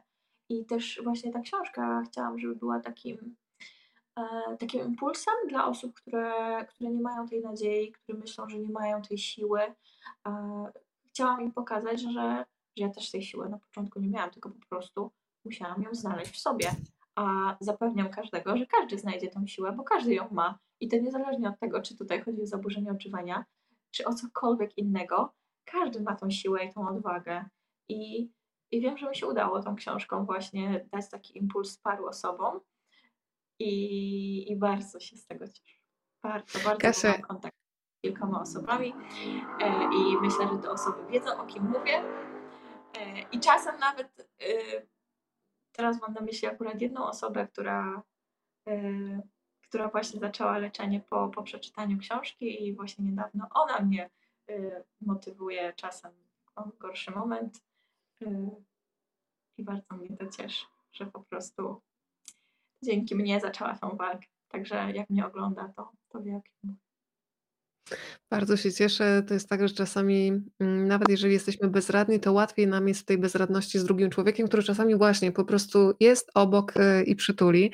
Kasia, piszesz w swojej książce też sporo o lataniu i bardzo lubię taki fragment, kiedy piszesz o, y, kontrolerach, y, ruchu lotniczego, bardzo odpowiedzialny i stresujący swoją drogą zawód. E, no ale faktycznie ten kontroler lotów musi mieć w sobie ogromną uważność, musi szybko analizować i pomyślałam sobie, mm, że każdy z nas w zasadzie powinien sobie uruchamiać w głowie, o tym też piszesz, takiego kontrolera naszych myśli, żeby sprawdzić na jakie lotnisko te nasze myśli o sobie nas prowadzą. Jak to u Ciebie działa? Bo myślę, że mm, mimo świadomości podczas terapii, no każdy z nas od czasu do czasu łapie się na tym, że znowu wpada w te same maliny, czyli w te schematy, które mu towarzyszyły przez lata. No to nie wiem, jak się się wyprowadzasz. Ja mam nawet taką znajomą, która w momencie, kiedy czuje, że znowu robi coś, co sobie postanowiła, że już więcej nigdy nie zrobi, to ma taką gumeczkę i mówi, a taki pstryczek sobie tutaj z uśmiechem, rzecz jasna, ale faktycznie ja też się łapię czasami, że jakiś głos się pojawia i mówię, hej, to nie jest mój głos, idź sobie, to, to nie jest moje, ale jak ty tego wewnętrznego kontrolera ruchu swoich myśli w głowie uruchamiasz, żeby dotrzeć na dobre lotnisko? E, no, bardzo często sobie po prostu zapisuję. I tak samo było na przykład w przypadku anoreksji, jak y, zaczęłam kwestionować to, co ja myślę, a to, co myśli moja choroba, ja po prostu zapisywałam. Ja jestem osobą, która sobie wszystko zapisuje, wszystko notuje, y, podkreśla, zaznacza i to mi niesamowicie pomaga. I teraz jest bardzo podobnie. Na przykład jak y, przyjdzie mm, do mnie jakaś negatywna myśl, czy czarna myśl, mniej przyjemna myśl, mniej przyjemna emocja, to po prostu ja się zatrzymuję, zapisuję jak mam czas. Czasem nie mam czasu, więc muszę to zrobić w głowie i się zastanawiam, ale dlaczego akurat moja myśl idzie w tym kierunku? Czy na pewno to jest moje? Czy na pewno to jest moje przekonanie? Ja po prostu zaczynam to kwestionować, zaczynam pytać, dlaczego. I, i tym samym dochodzę, że czasami może moje nadmierne myślenie nie jest prawdą, tylko po prostu powinnam z tego podejść chłodniej i wtedy widzę, co jest prawdą. A, a bardzo często właśnie to pomijamy i idziemy w coś, co przychodzi nam do głowy i to już bierzemy za pewnik. A tak naprawdę bardzo często warto, żeby e, zakwestionować coś, zapytać się, czy to na pewno jest prawda, czy to na pewno jest tak, jak czujemy. E, I wtedy dzięki świadomości dochodzimy do, do rozwiązania i, i do tego, co nam służy. Myślę, że kluczem tutaj jest świadomość. Powiedz proszę, jeżeli ktoś jest po drugiej stronie, zresztą widziałam tutaj dziewczyny komentowały, że bardzo jest im bliskie to, co mówisz, e, bo znają też problem anoreksji z własnego doświadczenia. Jeżeli jest ktoś taki, kto stwierdził, że tak, to jest też coś, co go dotyczy, przestaje negować, e, chce sobie pomóc, od czego zacząć? Bo jeżeli mówimy o anoreksji, no to tak naprawdę mamy współpracę wielu specjalistów. Możemy mówić o psychodietetykach. E, możemy mówić o psychodietetyczce holistycznej, tak jak wspomniałaś. Możemy mówić o leczeniu psychiatrycznym, o konsultacjach psychiatrycznych, o psychologu. Od czego zacząć, tak żeby ktoś nam po prostu pomógł, mając swoją wiedzę. Też piszesz o tym, że czasami trzeba poszukać, że tak jak w ludzkich relacjach, czasami nie od razu, nie wiem, zagramy emocjonalnie z człowiekiem, który jest po drugiej stronie, tak jak przy każdej terapii terapeutycznej, to też jest doświadczenie wielu osób, więc ten pierwszy krok, nie wiem, lekarz rodzinny, od czego zacząć? Tak, y, no na początku mm, ważne jest, żeby w ogóle sprawdzić, w jakim stanie jest nasz organizm, jak bardzo jest wyniszczony przez chorobę.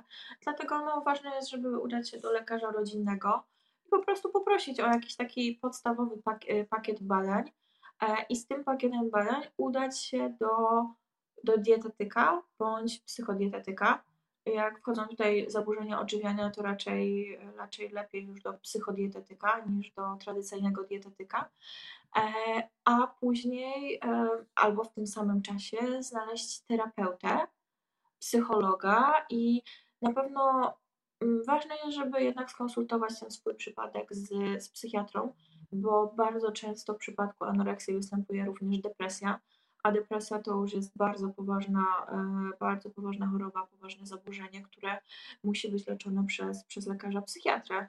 Dlatego e, najczęściej leczenie polega na współpracy tych trzech specjalistów, czyli psychodietetyka, terapeuty i psychiatry. Najczęściej ten kontakt psychiatry jest taki dość sporadyczny, przeważnie na początku leczenia i gdzieś tam w trakcie, ponieważ z terapeutą, z psychodietetykiem ten kontakt jest zdecydowanie częstszy. Najczęściej na początku największą rolę odgrywa ten psychodietetyk, ponieważ odżywia ciało. I też do y, psychodietetyka już idziemy z tymi e, gotowymi badaniami od, od lekarza rodzinnego pierwszego kontaktu. Później już mamy mniejszy kontakt z tym psychodietetykiem i wtedy wkracza terapeuta. I tutaj już zaczyna się to prawdziwe leczenie i prawdziwe odkrywanie. Oczywiście leczenie fizyczne, odżywianie fizyczne ciała jest również bardzo istotne, ale jednak y, praca, praca z naszym umysłem to jest, to jest podstawa. Ale tak jak to było w moim przypadku, leczenie holistyczne było, było bardzo pomocne i, i, i bardzo, bardzo to polecam, ponieważ y, anoreksja to jest choroba złożona, a leczenie holistyczne właśnie składa się, skupia się na na człowieku jako na całości, nie tylko jako na ciele, umyśle, tylko tutaj wszystkie, y, wszystko wchodzi w grę. Tak samo jak y, w anoreksji. W anoreksji mamy do czynienia i z ciałem fizycznym, i z duszą, i z umysłem. A właśnie specjaliści, którzy y, specjalizują się w holistyce, w taki sposób spoglądają na ciało. Umysł, dusza i ciało. Kasia, to poroz... Bardzo dobrze się sprawdziło to podejście holistyczne. E, bardzo szczerze też piszesz o tym, że ważne jest to, żeby zrozumieć, z czego wynikają konkretne zachowania naszego organizmu, i piszesz o takim bardzo nieprzyjemnym etapie, jak wilcze napady głodu. Ale one, mm, powiedzmy, że mają swoje uzasadnienie, i znowu, kiedy się włączy taką empatię do zachowań, tych zachcianek, można by powiedzieć, własnego ciała, że ja nagle muszę, no to to się staje zrozumiałe, bo tłumaczy, że po prostu ten wygłodzony organizm łapie się jedynej okazji, gdzie chciałby się, nie wiem, najeść na zapas, bo ma gdzieś w pamięci zakodowane, że może być znowu głodzony przez kolejne tygodnie i miesiące. To chyba było najtrudniejsze w całej mojej, w całym moim procesie wychodzenia z anoreksji, te wilcze napady głodu. To było, to było coś tak okropnego, że ja nadal chyba nie jestem w stanie tego opisać i myślę, że osoba tylko, która miała z tym do czynienia, jest w stanie to zrozumieć i poczuć. To jest taka silna potrzeba po prostu jedzenia. To, to nie jest zwykły głód fizyczny, tylko to jest po prostu. Jesteśmy wtedy w stanie zjeść wszystko, i mnie to bardzo przerażało. E, w ogóle nie wiedziałam, co się dzieje, bo to zaczęło się pojawiać, kiedy zaczęłam już jeść bardziej regularnie. Nie na tym etapie, kiedy nie jadłam, bo na etapie, kiedy nie jadłam, mój ośrodek głodu i sytości po prostu się wyłączył. Nie jem, coś tam sporadycznie jem, więc mój mózg tego w ogóle nie kontroluje, wszystko jest wyłączone. A później, kiedy zaczęłam jeść regularnie, kiedy zaczęłam odżywiać swoje ciało, e, właśnie wszedł w grę ten wilczy głód, który na przykład pojawiał się powiedzmy nie przed jedzeniem, tylko musiałam się zmusić, żeby zacząć jeść, a ten głód się pojawiał po jedzeniu, kiedy powinnam być najedzona. A właśnie w tym momencie mój organizm domagał się jeszcze więcej, po prostu każdej ilości jedzenia. I najczęściej to była ochota na coś słodkiego i tłustego i bardzo kalorycznego. I dopiero uświadomienie sobie tego, że mój organizm domaga się mm, więcej kalorii, e, pomogło mi zapanować nad tym, bo początkowo mnie to bardzo przerażało. Ja byłam przerażona, że to ja zawsze będę teraz tak chciała tylko jeść, jeść, jeść, a dopiero to, e, kiedy odkryłam tak naprawdę, że ten organizm się po prostu boi, bo on nie wie, czy ja za parę dni znowu nie utnę jedzenia zupełnie. On po prostu chciał zrobić zapasy w razie, gdybym znowu zaczęła e, po prostu jakąś restrykcyjną głodówkę. I dopiero zrozumienie tego i przetrwanie tego, co było chyba najtrudniejsze, to było po prostu najtrudniejsze w tym leczeniu. Po prostu mimo tego olbrzymiego głodu, powiedzenie temu organizmowi, że nie, okej, okay, zjadłaś, co miałaś teraz jeść, za chwilę zjesz znowu. Po prostu taka rozmowa i świadomość tego, z czego to może wynikać. To mi bardzo pomogło, ale to, to było okropne uczucie, naprawdę. Kasia, też y, piszesz o tym, że są takie momenty w trakcie terapii, kiedy w zasadzie samemu sobie należy no, wydać taki zakaz treningów, bo okazuje się, że trudno nam umówić się, przynajmniej na początku, samemu ze sobą, że to będzie delikatny spacer. E, I powiem Ci, że sama się złapałam na tym, że bardzo dużo czasu mi zajęło, kiedy zaczynałam jakąś aktywność sportową, żeby wyłączyć w sobie jakąś taką nutkę rywalizacji, która się od razu e, włączała, czyli że jak już biegam, to następnego dnia musi być więcej, tak żeby po prostu na czworakach prawie wrócić do domu. Natomiast zobaczyłam, że organizm zaczyna mi dziękować tylko i wyłącznie za te wyjścia, kiedy po prostu spacer czy bieg jest przyjemnością i to może być mniej niż 5 kilometrów, to nie musi być 10, to może być po prostu jedno krążenie wokół bloku, ale ma być przyjemnością.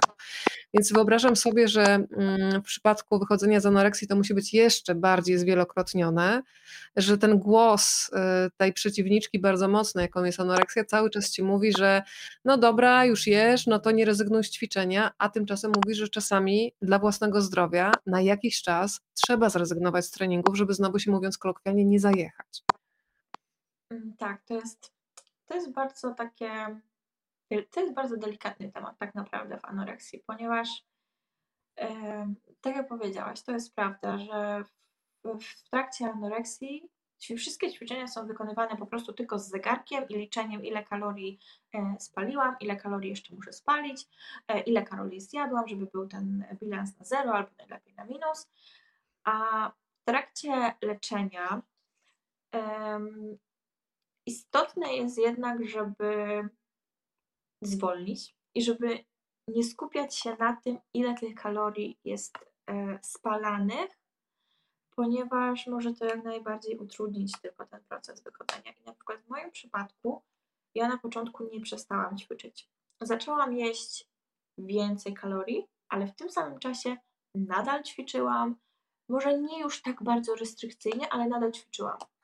I owszem, wielu specjalistów mówi, że to jest ok, ponieważ w czasie ćwiczeń uwalniamy endorfiny, czujemy się lepiej. I to jest prawda, ale dla osoby, która przez wiele miesięcy ćwiczyła tylko po to, żeby e, sprawdzić, ile kalorii e, spaliła w danym momencie, to jest bardzo ryzykowne, żeby ćwiczyć na takim etapie, na początkowym etapie wychodzenia z kalorii, y, z, z anoreksji, ponieważ nadal będzie, przynajmniej tak jak było w moim przypadku, ja nadal się skupiałam tylko na tym, żeby po prostu spalić kalorie, a nie żeby ten wysiłek dał mi y, jakieś fajne samopoczucie, lepszy humor czy endorfiny. I na przykład to było przez 2 czy 3 miesiące. Nie przybrałam na wadze, mimo mm, po, przy powiększenia kalorii, to jednak e, moja waga dalej stanęła w miejscu, nawet coś tam troszkę poszła w dół, z tego względu, że dalej ćwiczyłam. I dopiero jak zaprzestałam ćwiczeń, jedyne co moją aktywnością to były jakieś tam spacery, bo, bo musiałam, inaczej bym zwariowała, um, bo to było jeszcze w czasie, kiedy mało latałam, niewiele, więc po prostu to było takie, takie zwykłe wyjście z domu i po prostu zaczerpnięcie powietrza. I dopiero wtedy tak naprawdę moja, moja, moje leczenie nabrało, że tak powiem, rozpędu. E, dopiero wtedy zaczęłam się tak naprawdę lepiej, lepiej czuć. Dlatego to jest bardzo, bardzo indywidualna kwestia tak naprawdę. I, i każdy powinien um, rozpatrzyć to pod siebie, ale jednak jeśli osoba, która chce wyjść z zaburzeń odżywiania i ćwiczy tylko y, zwracając uwagę na to, ile kalorii spaliła, no to raczej chyba powinna, nie wiem, zostawić ten zegarek z liczeniem kalorii albo, albo skupić się i znaleźć taką aktywność, która naprawdę będzie sprawiała przyjemność. Kasia, ale to co, waga idzie na przykład całkiem out? Wyrzuca się ją z domu, żeby właśnie nie kusiła do tego, żeby się skupiać na tych liczbach, tylko na słuchaniu ciała? Wyrzuciła się z domu? Wyrzuciłam. Ja nie jestem dalej w stanie się zważyć. Nie ważyłam się długo. Nie pamiętam, kiedy ostatnio raz się ważyłam. Może kilka miesięcy temu i, i dalej się boję stanąć Kasia, powiedziałaś no, też taką... Okazję, ale, ale nie stanęłam. Bałam się, po prostu się bałam. To jest taki, taki mam nadal lęk wewnątrz. Ale już umiesz ten lęk e, identyfikować i o tym piszesz, że to już jest e, bardzo ważne. I piszesz o tym, że nie ma jednej indywidualnej recepty dla każdego. E, na przykład piszesz, że niezdrowy nie oznacza zły. Prosty przykład ortoreksja, czyli to takie obsesyjne skupienie się tylko i wyłącznie na super zdrowych produktach, podpowiada ci na przykład, że najlepszym wyborem będzie ciemne pieczywo. Ale twój układ pokarmowy zniszczony przez głodówki zdecydowanie lepiej trawi jasne i lekkie. Dzięki temu nie tylko ma więcej energii na inne aktywności, ale i nie doświadcza bólu jelit. I to jest jeden z przykładów, ale bardzo konkretnych, który zostaje w głowie, że każda historia to jest trochę i inny też y, przypadek. Powiedzmy jeszcze trochę o takim Twoim znalezisku, Kasia, bo ja wierzę, że czasem pewne też nawet książki pojawiają się w naszym życiu nie przez przypadek i mam nadzieję, że dzisiaj też ktoś dowie się o Twojej książce i zacznie zmieniać swoje życie, ale Ty też kiedyś na pokładzie samolotu, kiedy skończyłaś pracę, skończył się lot, znalazłaś książkę, która chyba też sporo w Twoim życiu zmieniła. Tak, tak, tak, tak, zgadza się. Ojejku, zapomniałam już. tak, znalazłam to, to było niesamowite. To ja nie, wierzę, ja nie wierzę od dawna, nie ma przypadków, jeśli chodzi o ludzi, sytuacje. E... e, tak, to było, nie pamiętam kiedy to było, już jakiś czas temu. To było jak zaczęłam już proces leczenia, jak już byłam świadoma, że mam problem. E, I wtedy po locie znalazłam książkę. Była to książka napisana po angielsku. Nie pamiętam dokładnie teraz tu, to było e, Stop Binging, Start Living. E, to była książka, tam było, ta autorka bardziej się skupiała na bulimii, ale ona tam dawała bardzo dużo wskazówek dla ogólnie osób, które mają problem z zaburzeniem odżywiania. Także ja po prostu jak zobaczyłam tę książkę, to nie mogłam uwierzyć, uwierzyć własnym oczom, że, że znalazłam tą książkę. Naprawdę. To było niesamowite. Kasia, to też mi, ty też mi uświadomiłaś taką rzecz, bo sama się z, tak się zidentyfikowałaś jako taka osoba, która mm, nie tak łatwo ufa innym ludziom, tak przynajmniej sobie napisałaś, ale jednocześnie pokazujesz, jak można też zmienić myślenie o samym sobie, kiedy sobie uświadomimy, że w mnóstwie sytuacji codziennych, życiowych e, musimy komuś zaufać. Wsiadamy do autobusu, ufamy, że kierowca zawiezie nas na miejsce. Wsiadamy do samolotu tak samo. Nie wiem, jemy w restauracji, no musimy zaufać, że nikt nas nie otruje, że nie wrzuci tam czegoś nieświeżego chociażby. I nawet takie proste przestawienie myślenia powoduje, że nagle całe nasze współżycie z ludźmi na tym zaufaniu się opiera, więc warto się otworzyć. Jasne, że można zostać zranionym, ale dużo więcej od tych ludzi można e, dostać, więc za to Ci też dziękuję.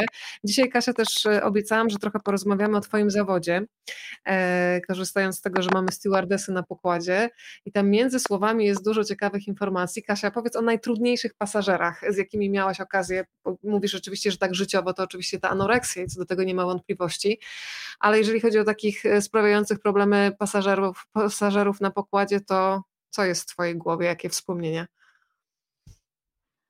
Hmm. No najczęściej są to osoby, które są pod wpływem alkoholu, które no nie, mm, nie podporządkowują się zasadom, które, których muszą przestrzegać w samolocie. To są tacy najbardziej e, pasażerowie, którzy sprawiają jakieś tam największe trudności. Um, to tak, to, to, to co mi jedynie przychodzi do głowy. Bardzo lubię też ten taki fragment mrugnięcie okiem, kiedy między słowami piszesz coś takiego, że niektórym się czasami wydaje, że stewardesy śpią, one widzą wszystko i rejestrują nawet takie podwójne wizyty w toalecie, kiedy nagle w tej toalecie spotykają się dwie osoby. Słuchaj, swoją drogą ostatnio byłam podczas lotu, kiedy pan podczas startu był biedny w toalecie i pani stewardesa próbowała go tam zmusić, żeby on wyszedł, ale samochód już zaczął się wznosić i naprawdę było to i tragikomiczne, ale no wyszedł dopiero, kiedy już e, samolot nabrał wysokości.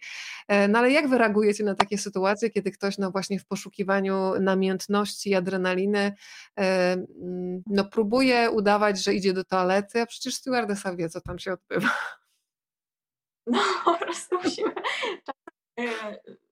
jeśli nie zagraża to niebezpieczeństwu samolotu i bezpieczeństwu pasażerów, no to musimy przymknąć oko, ale jeśli sytuacja już zaczyna się wymykać spod kontroli, no to wtedy już musimy reagować. Ale to jest prawda, że po prostu mimo, że wielu pasażerów myśli, że my coś tam nie widzimy, e, e, mamy przymknięte oko, to jednak jesteśmy mam, w tej pracy musimy być e, czujni bo odpowiadamy po prostu za wielu, wielu pasażerów, za, za setki osób. Dlatego musimy cały czas być czujni i wiedzieć, co się dzieje w, w całym samolocie tak naprawdę. Kasia, a jak często się zdarza, bo to mi się kojarzy z, z takimi, wiesz, szczeniackimi zachowaniami, że ludzie wchodzą do tej toalety i jednak zaczynają palić. E, no, wydawałoby się oczywiste, że takich rzeczy nie robimy, ale przynajmniej dwa razy ja jakoś straszliwie często nie latam, ale zdarzało mi się, że jednak były interwencje związane z tym. Jak ci ludzie w ogóle się tłumaczą? Nie wiem, udają, że to nie ja, tak, najczęściej to jest w taki sposób, że oni po prostu gdzieś w międzyczasie zdążą tego papierosa zgasić i, e, i grają na zwłokę, że to nie są oni, że w ogóle nie wiedzą o co chodzi. Nawet jeśli alarm się uruchomił w toalecie, to w ogóle nie oni, e, ale to, to się zdarza. Niestety nadal to się bardzo często zdarza. A najdziwniejsze jest to, że to się zdarza przeważnie na, na locie do pewnego kraju. Nie będę mówiła do jakiego ale tacy są pasażerowie, dlatego już na przykład wiem, że na locie do tego kraju może się zdarzyć, jest większe prawdopodobieństwo niż na locie do innego kraju, że na tym locie może się zdarzyć, że pasażer będzie palił. I ja spotkałam się z tym bodajże dwa czy trzy razy i to było na locie do tego pewnego kraju. Bardzo tajemnicze, no ale dobra, szanuję tutaj tajemnicę zawodową, więc nie powiemy. A jak często Ci się zdarzają takie wzruszające sytuacje, kiedy wsiada ktoś, kto Widzisz, że tak naprawdę walczy sam ze sobą, mm, ponieważ wie, że w perspektywie czeka go mnóstwo wspaniałości, ale ma w sobie taki e, paniczny lęk przed lataniem, że jest cały czas na granicy, zanim się drzwi zamkną, że on jednak chce opuścić. E, czy masz takie mm, wspomnienia, jakichś wzruszających momentów, że ktoś przełamał swój strach i zobaczył, co jest po tej drugiej stronie strachu, że tam jest radość, że jest spełnienie?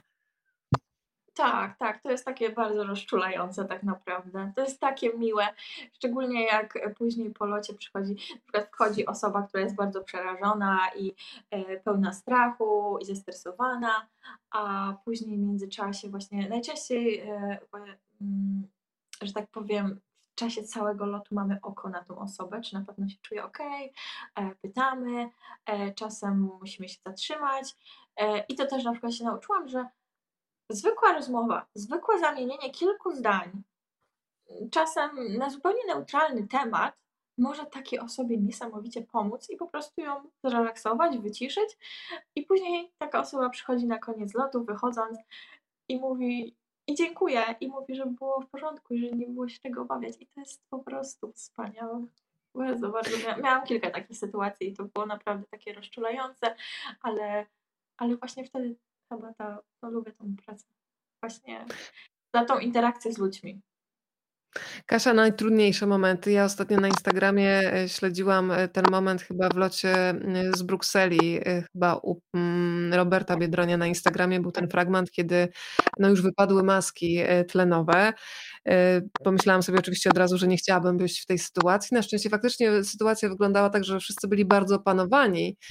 Lot się skończył szczęśliwie, ale czy miałeś sytuacje właśnie takie, mm, no, które podniosły mm, poziom adrenaliny które też sprawdzały taki no, stan przygotowania na te trudne sytuacje, kiedy ty raz musisz opanować swoje emocje, dwa dać to oparcie takie psychiczne pasażerom, bo to jest podwójnie obciążająca sytuacja. Um, takiej poważnej sytuacji nie miałam, jak w tym przypadku, o którym wspomniałaś. E, miałam bardzo duże sytuacje, jeśli chodzi o jakieś tam problemy zdrowotne pasażerów. No to takie sytuacje też są również bardzo, e, bardzo stresujące. E, miałam parę razy mocniejsze turbulencje, raz czy dwa e, były naprawdę mocne i pasażerowie zaczęli, zaczęli się bać, zaczęli pytać e, i, i wtedy no, sztuką jest, żeby ich uspokoić. Tym bardziej, no, że jednak to jest nieprzyjemne. Ale, ale, ale to było takie do opanowania raczej. Kasia, tak psychologicznie, jakie są w ogóle zasady w sytuacji, kiedy mm, na przykład wy już jako załoga wiecie, że trzeba zawrócić na przykład na inne lotnisko, bo nie wiem, jest problem na pasie startowym y, w lotnisku docelowym albo innego rodzaju problemy. E, nie wiem, czy są jakieś procedury, które powodują, że ten komunikat jest wprost przekazywany, bo czasami też jest tak, że samolot bardzo długo e, na przykład czeka na lotnisku, powinien już dawno wystartować e, i czasami jest podany komunikat, dlaczego. No są też korki lotnicze, to też wiemy, a czasami jest w zasadzie bez żadnej informacji. U mnie tak psychologicznie to zawsze powoduje, oczywiście jako osoby niecierpliwej, zniecierpliwienie, ale też niewiadoma, że moja głowa już tworzy czarne scenariusze, na pewno się coś zepsuło i wtedy marzę, żeby ktoś powiedział właśnie, że jakiś malutki mm, jest pretekst, kompletnie niezwiązany z bezpieczeństwem, że po prostu trzeba poczekać. Zawsze się komunikuje coś takiego pasażerom, czy czasami właśnie ta cisza jest wskazana i takie są procedury? To jest, to jest dość indywidualne, bo tak naprawdę może być mnóstwo przyczyn, dlaczego samolot nie rusza, albo dlaczego samolot y, nie, e, nie ląduje, czy nie startuje. To naprawdę mogą być przeróżne przyczyny i czasami są to naprawdę jakieś tam bardzo małe i w ogóle nieznaczące i kapitan na przykład uzna, że to nie jest tak ważne, dlatego pasażerowie sobie mogą poczekać i nie, nie muszą nic e, komunikować i mówić, a, a czasami po prostu no, jest jakiś tam poważniejszy powód e, i, i, i kapitan to komunikuje, ale no to jest bardzo dużo zależne od kapitana, że tak powiem i od tego, jaki jest ten powód ale oczywiście pasażerowie wtedy najbardziej skłaniają się ku tym negatywnym e, wizjom, czyli że na pewno coś jest źle z samolotem i tak dalej, na pewno jakiś problem, ale tak naprawdę problemem może być to, że nie wiem, jest, jest za duży ruch na lotnisku, tak jak wspomniałaś, po prostu musimy poczekać tam te 15 czy 20, czy czasami nawet i 30 minut, bo nie wiem, jesteśmy na e, lotnisku, które, które obsługuje bardzo dużo samolotów, także no cierpliwość. Czasami nawet my nie wiemy. Zdarza się tak, że, że my też czekamy i nie wiemy, bo na przykład albo y, kapitan i, i pierwsza oficer też nie wiedzą, bo po prostu czekają na informacje z, z kontroli lotów. Także to jest bardzo, bardzo specyficzne. Ale zazwyczaj jak tylko mają informacje i jak ten czas oczekiwania jest dłuższy, no to wtedy już, już jest jakiś komunikat dla, dla pasażerów. To jest też e, konkretna informacja. Drodzy Państwo, to jest też ten moment, e, żeby Państwo się włączyli aktywnie w e, pytania, które z przyjemnością przekażę, bo za jakiś kwadrans będziemy zmierzać do finału naszej rozmowy. Mm, Kasia, to powiedzmy jeszcze od razu o tym, że ta Twoja wymarzona praca nie od razu zostało to marzenie spełnione i piszesz w książce, że w zasadzie się cieszysz, że nie, za, że nie udało się od razu. Dlaczego? bo miałam, bo miałam okazję spędzić niesamowity czas e, z niesamowitymi ludźmi. To były wspaniałe dwa miesiące wakacji, lipiec i sierpień. Tak, bo pierwszy raz do linii lotniczych aplikowałam jakoś wiosną, wtedy się nie dostałam. E, później mogłam wyjechać właśnie na lipiec i sierpień w pewne małe miasto nad polskim Bałtykiem do Łeby i spędzić czas z wspaniałymi ludźmi, których tam poznałam i, i z którymi cały czas jestem w kontakcie. E, I jeśli mnie oglądają, to, to wiedzą o kim mówię i pozdrawiam Was serdecznie. I, I ten czas mi dał niesamowite też doświadczenie, e, nauczył mnie na pewno czegoś i, i to, że poznałam, poznałam te osoby, to jest, dla mnie największa wartość tych, e, tego czasu, bo wiem, że mogę na nich na przykład chociażby teraz liczyć i, i jesteśmy cały czas też w kontakcie i wiem, że gdybym ja czegoś potrzebowała, czy oni, to, to jesteśmy dla siebie. A później aplikowałam drugi raz e, i wtedy już się dostałam. Także dobrze, że się nie udało za pierwszym razem. To jest po prostu wszystko przemyślane. Wszechświat ma dla nas plan. My musimy tylko zaufać. I, i ja w to wierzę. Bardzo, bardzo mocno w to wierzę. Kasia, a jak zareagował? Czytać te znaki, które nam świat wysyła i, i być takim otwartym na to.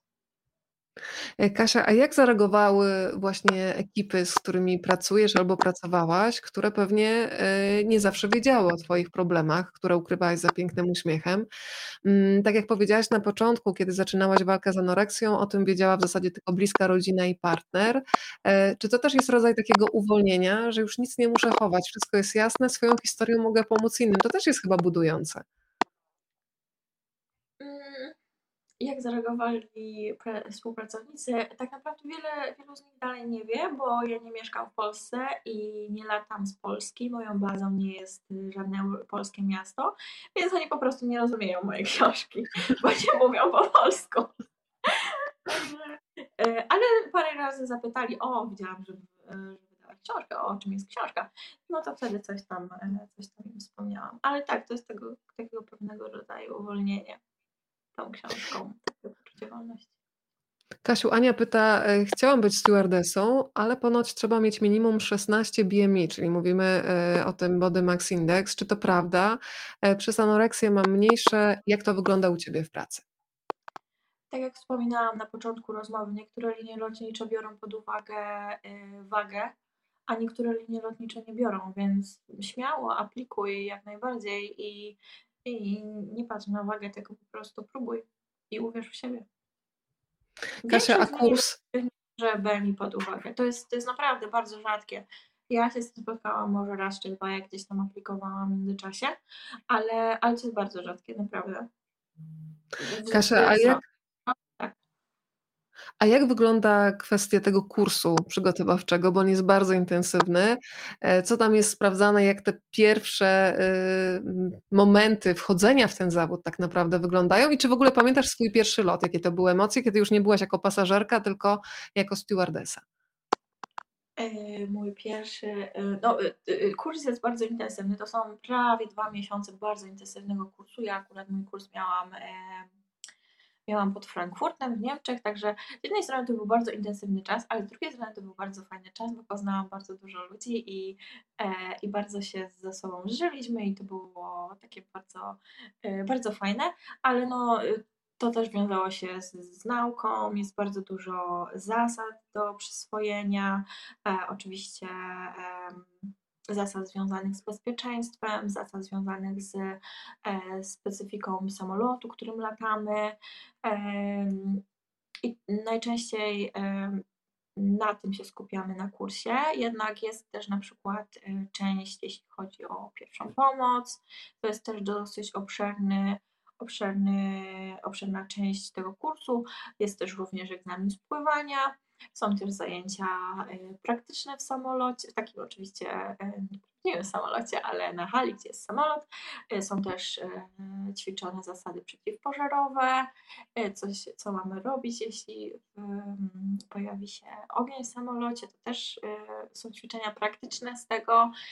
Także to był bardzo ciekawy czas. A, a mój pierwszy lot Pamiętam mój pierwszy lot i był, było bardzo, byłam bardzo zestresowana. To, to, to jest chyba normalne, że, że jednak najbardziej co pamiętam to był ten stres, ale na przykład pamiętam z kim miałam swój pierwszy lot i, i bardzo, bardzo miło tą osobę wspominam i nadal, nadal się spotykam z tą osobą, czasami gdzieś tam się mijamy na, na lotnisku i teraz nawet jak latamy, to, to czasem żartujemy, że on mówi, że pamięta jak pierwszy raz z leciałam, jak miałam swój pierwszy dzień.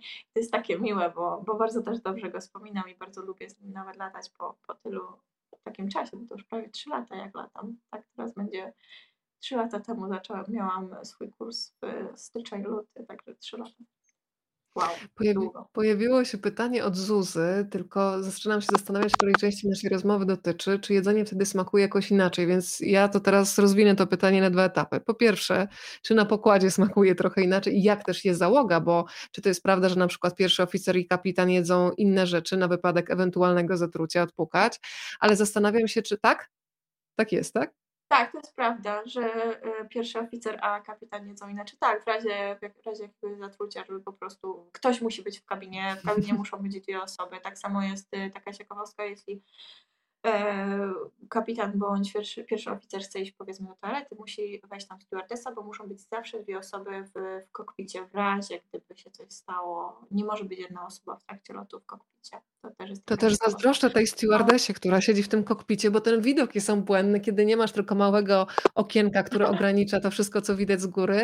Ja nie przypadam może za lataniem, ale kocham patrzeć na świat z góry i to jest piękne, bo zawsze mam wrażenie, że nawet jak jest ciemno, to wystarczy się trochę wzbić i zawsze ponad chmurami jest słońce, tak sobie tak, tłumaczę. Tak. Ale jeszcze Kasia powiedz, y, to pytanie Zuzy y, też y, skieruję też w stronę anoreksji, czy w momencie, kiedy już zaczynasz zadomawiać coś w swoim ciele, czy jedzenie zaczyna sprawiać przyjemność, a nie jest czymś, co bym nazwała takim przykrym obowiązkiem, co pewnie na takim etapie mocnym tej choroby, no to w zasadzie skoro się ogranicza, to, to nie masz z tego przyjemności, tylko jesz najmniej, żeby jakoś przeżyć, a kiedy wracasz do siebie, to to jedzenie zaczyna smakować? E, to też jest na przykład ważne, żeby na początku leczenia, jak zwiększamy kaloryczność tych posiłków, jak zaczynamy jeść więcej stopniowo, to ważne właśnie jest, żeby nie podchodzić do tego jak do takiego przymusu, że muszę, tylko właśnie, żeby próbować tego jedzenia, żeby się zatrzymać, yy, posmakować tego, pomyśleć, jaki to ma smak, jak smakuje, czy mi to smakuje, jaką ma nawet tak szczerze nie mogę sobie teraz przypomnieć. Konsystencję, strukturę, nie? Tak, dokładnie, tak, tak, tak. Żeby po prostu zatrzymać się i nie traktować tego jedzenia jako wroga.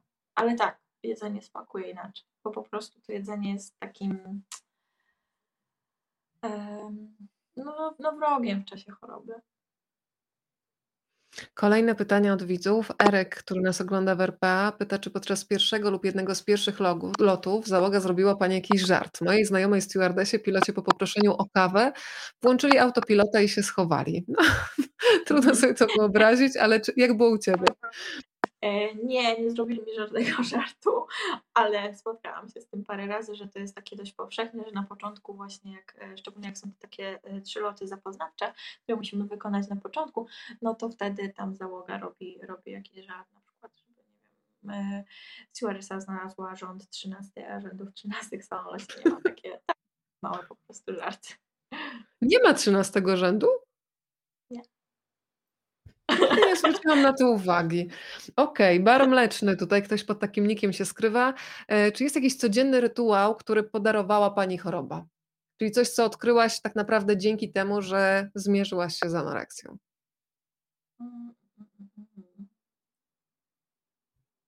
Chyba takie zatrzymanie się.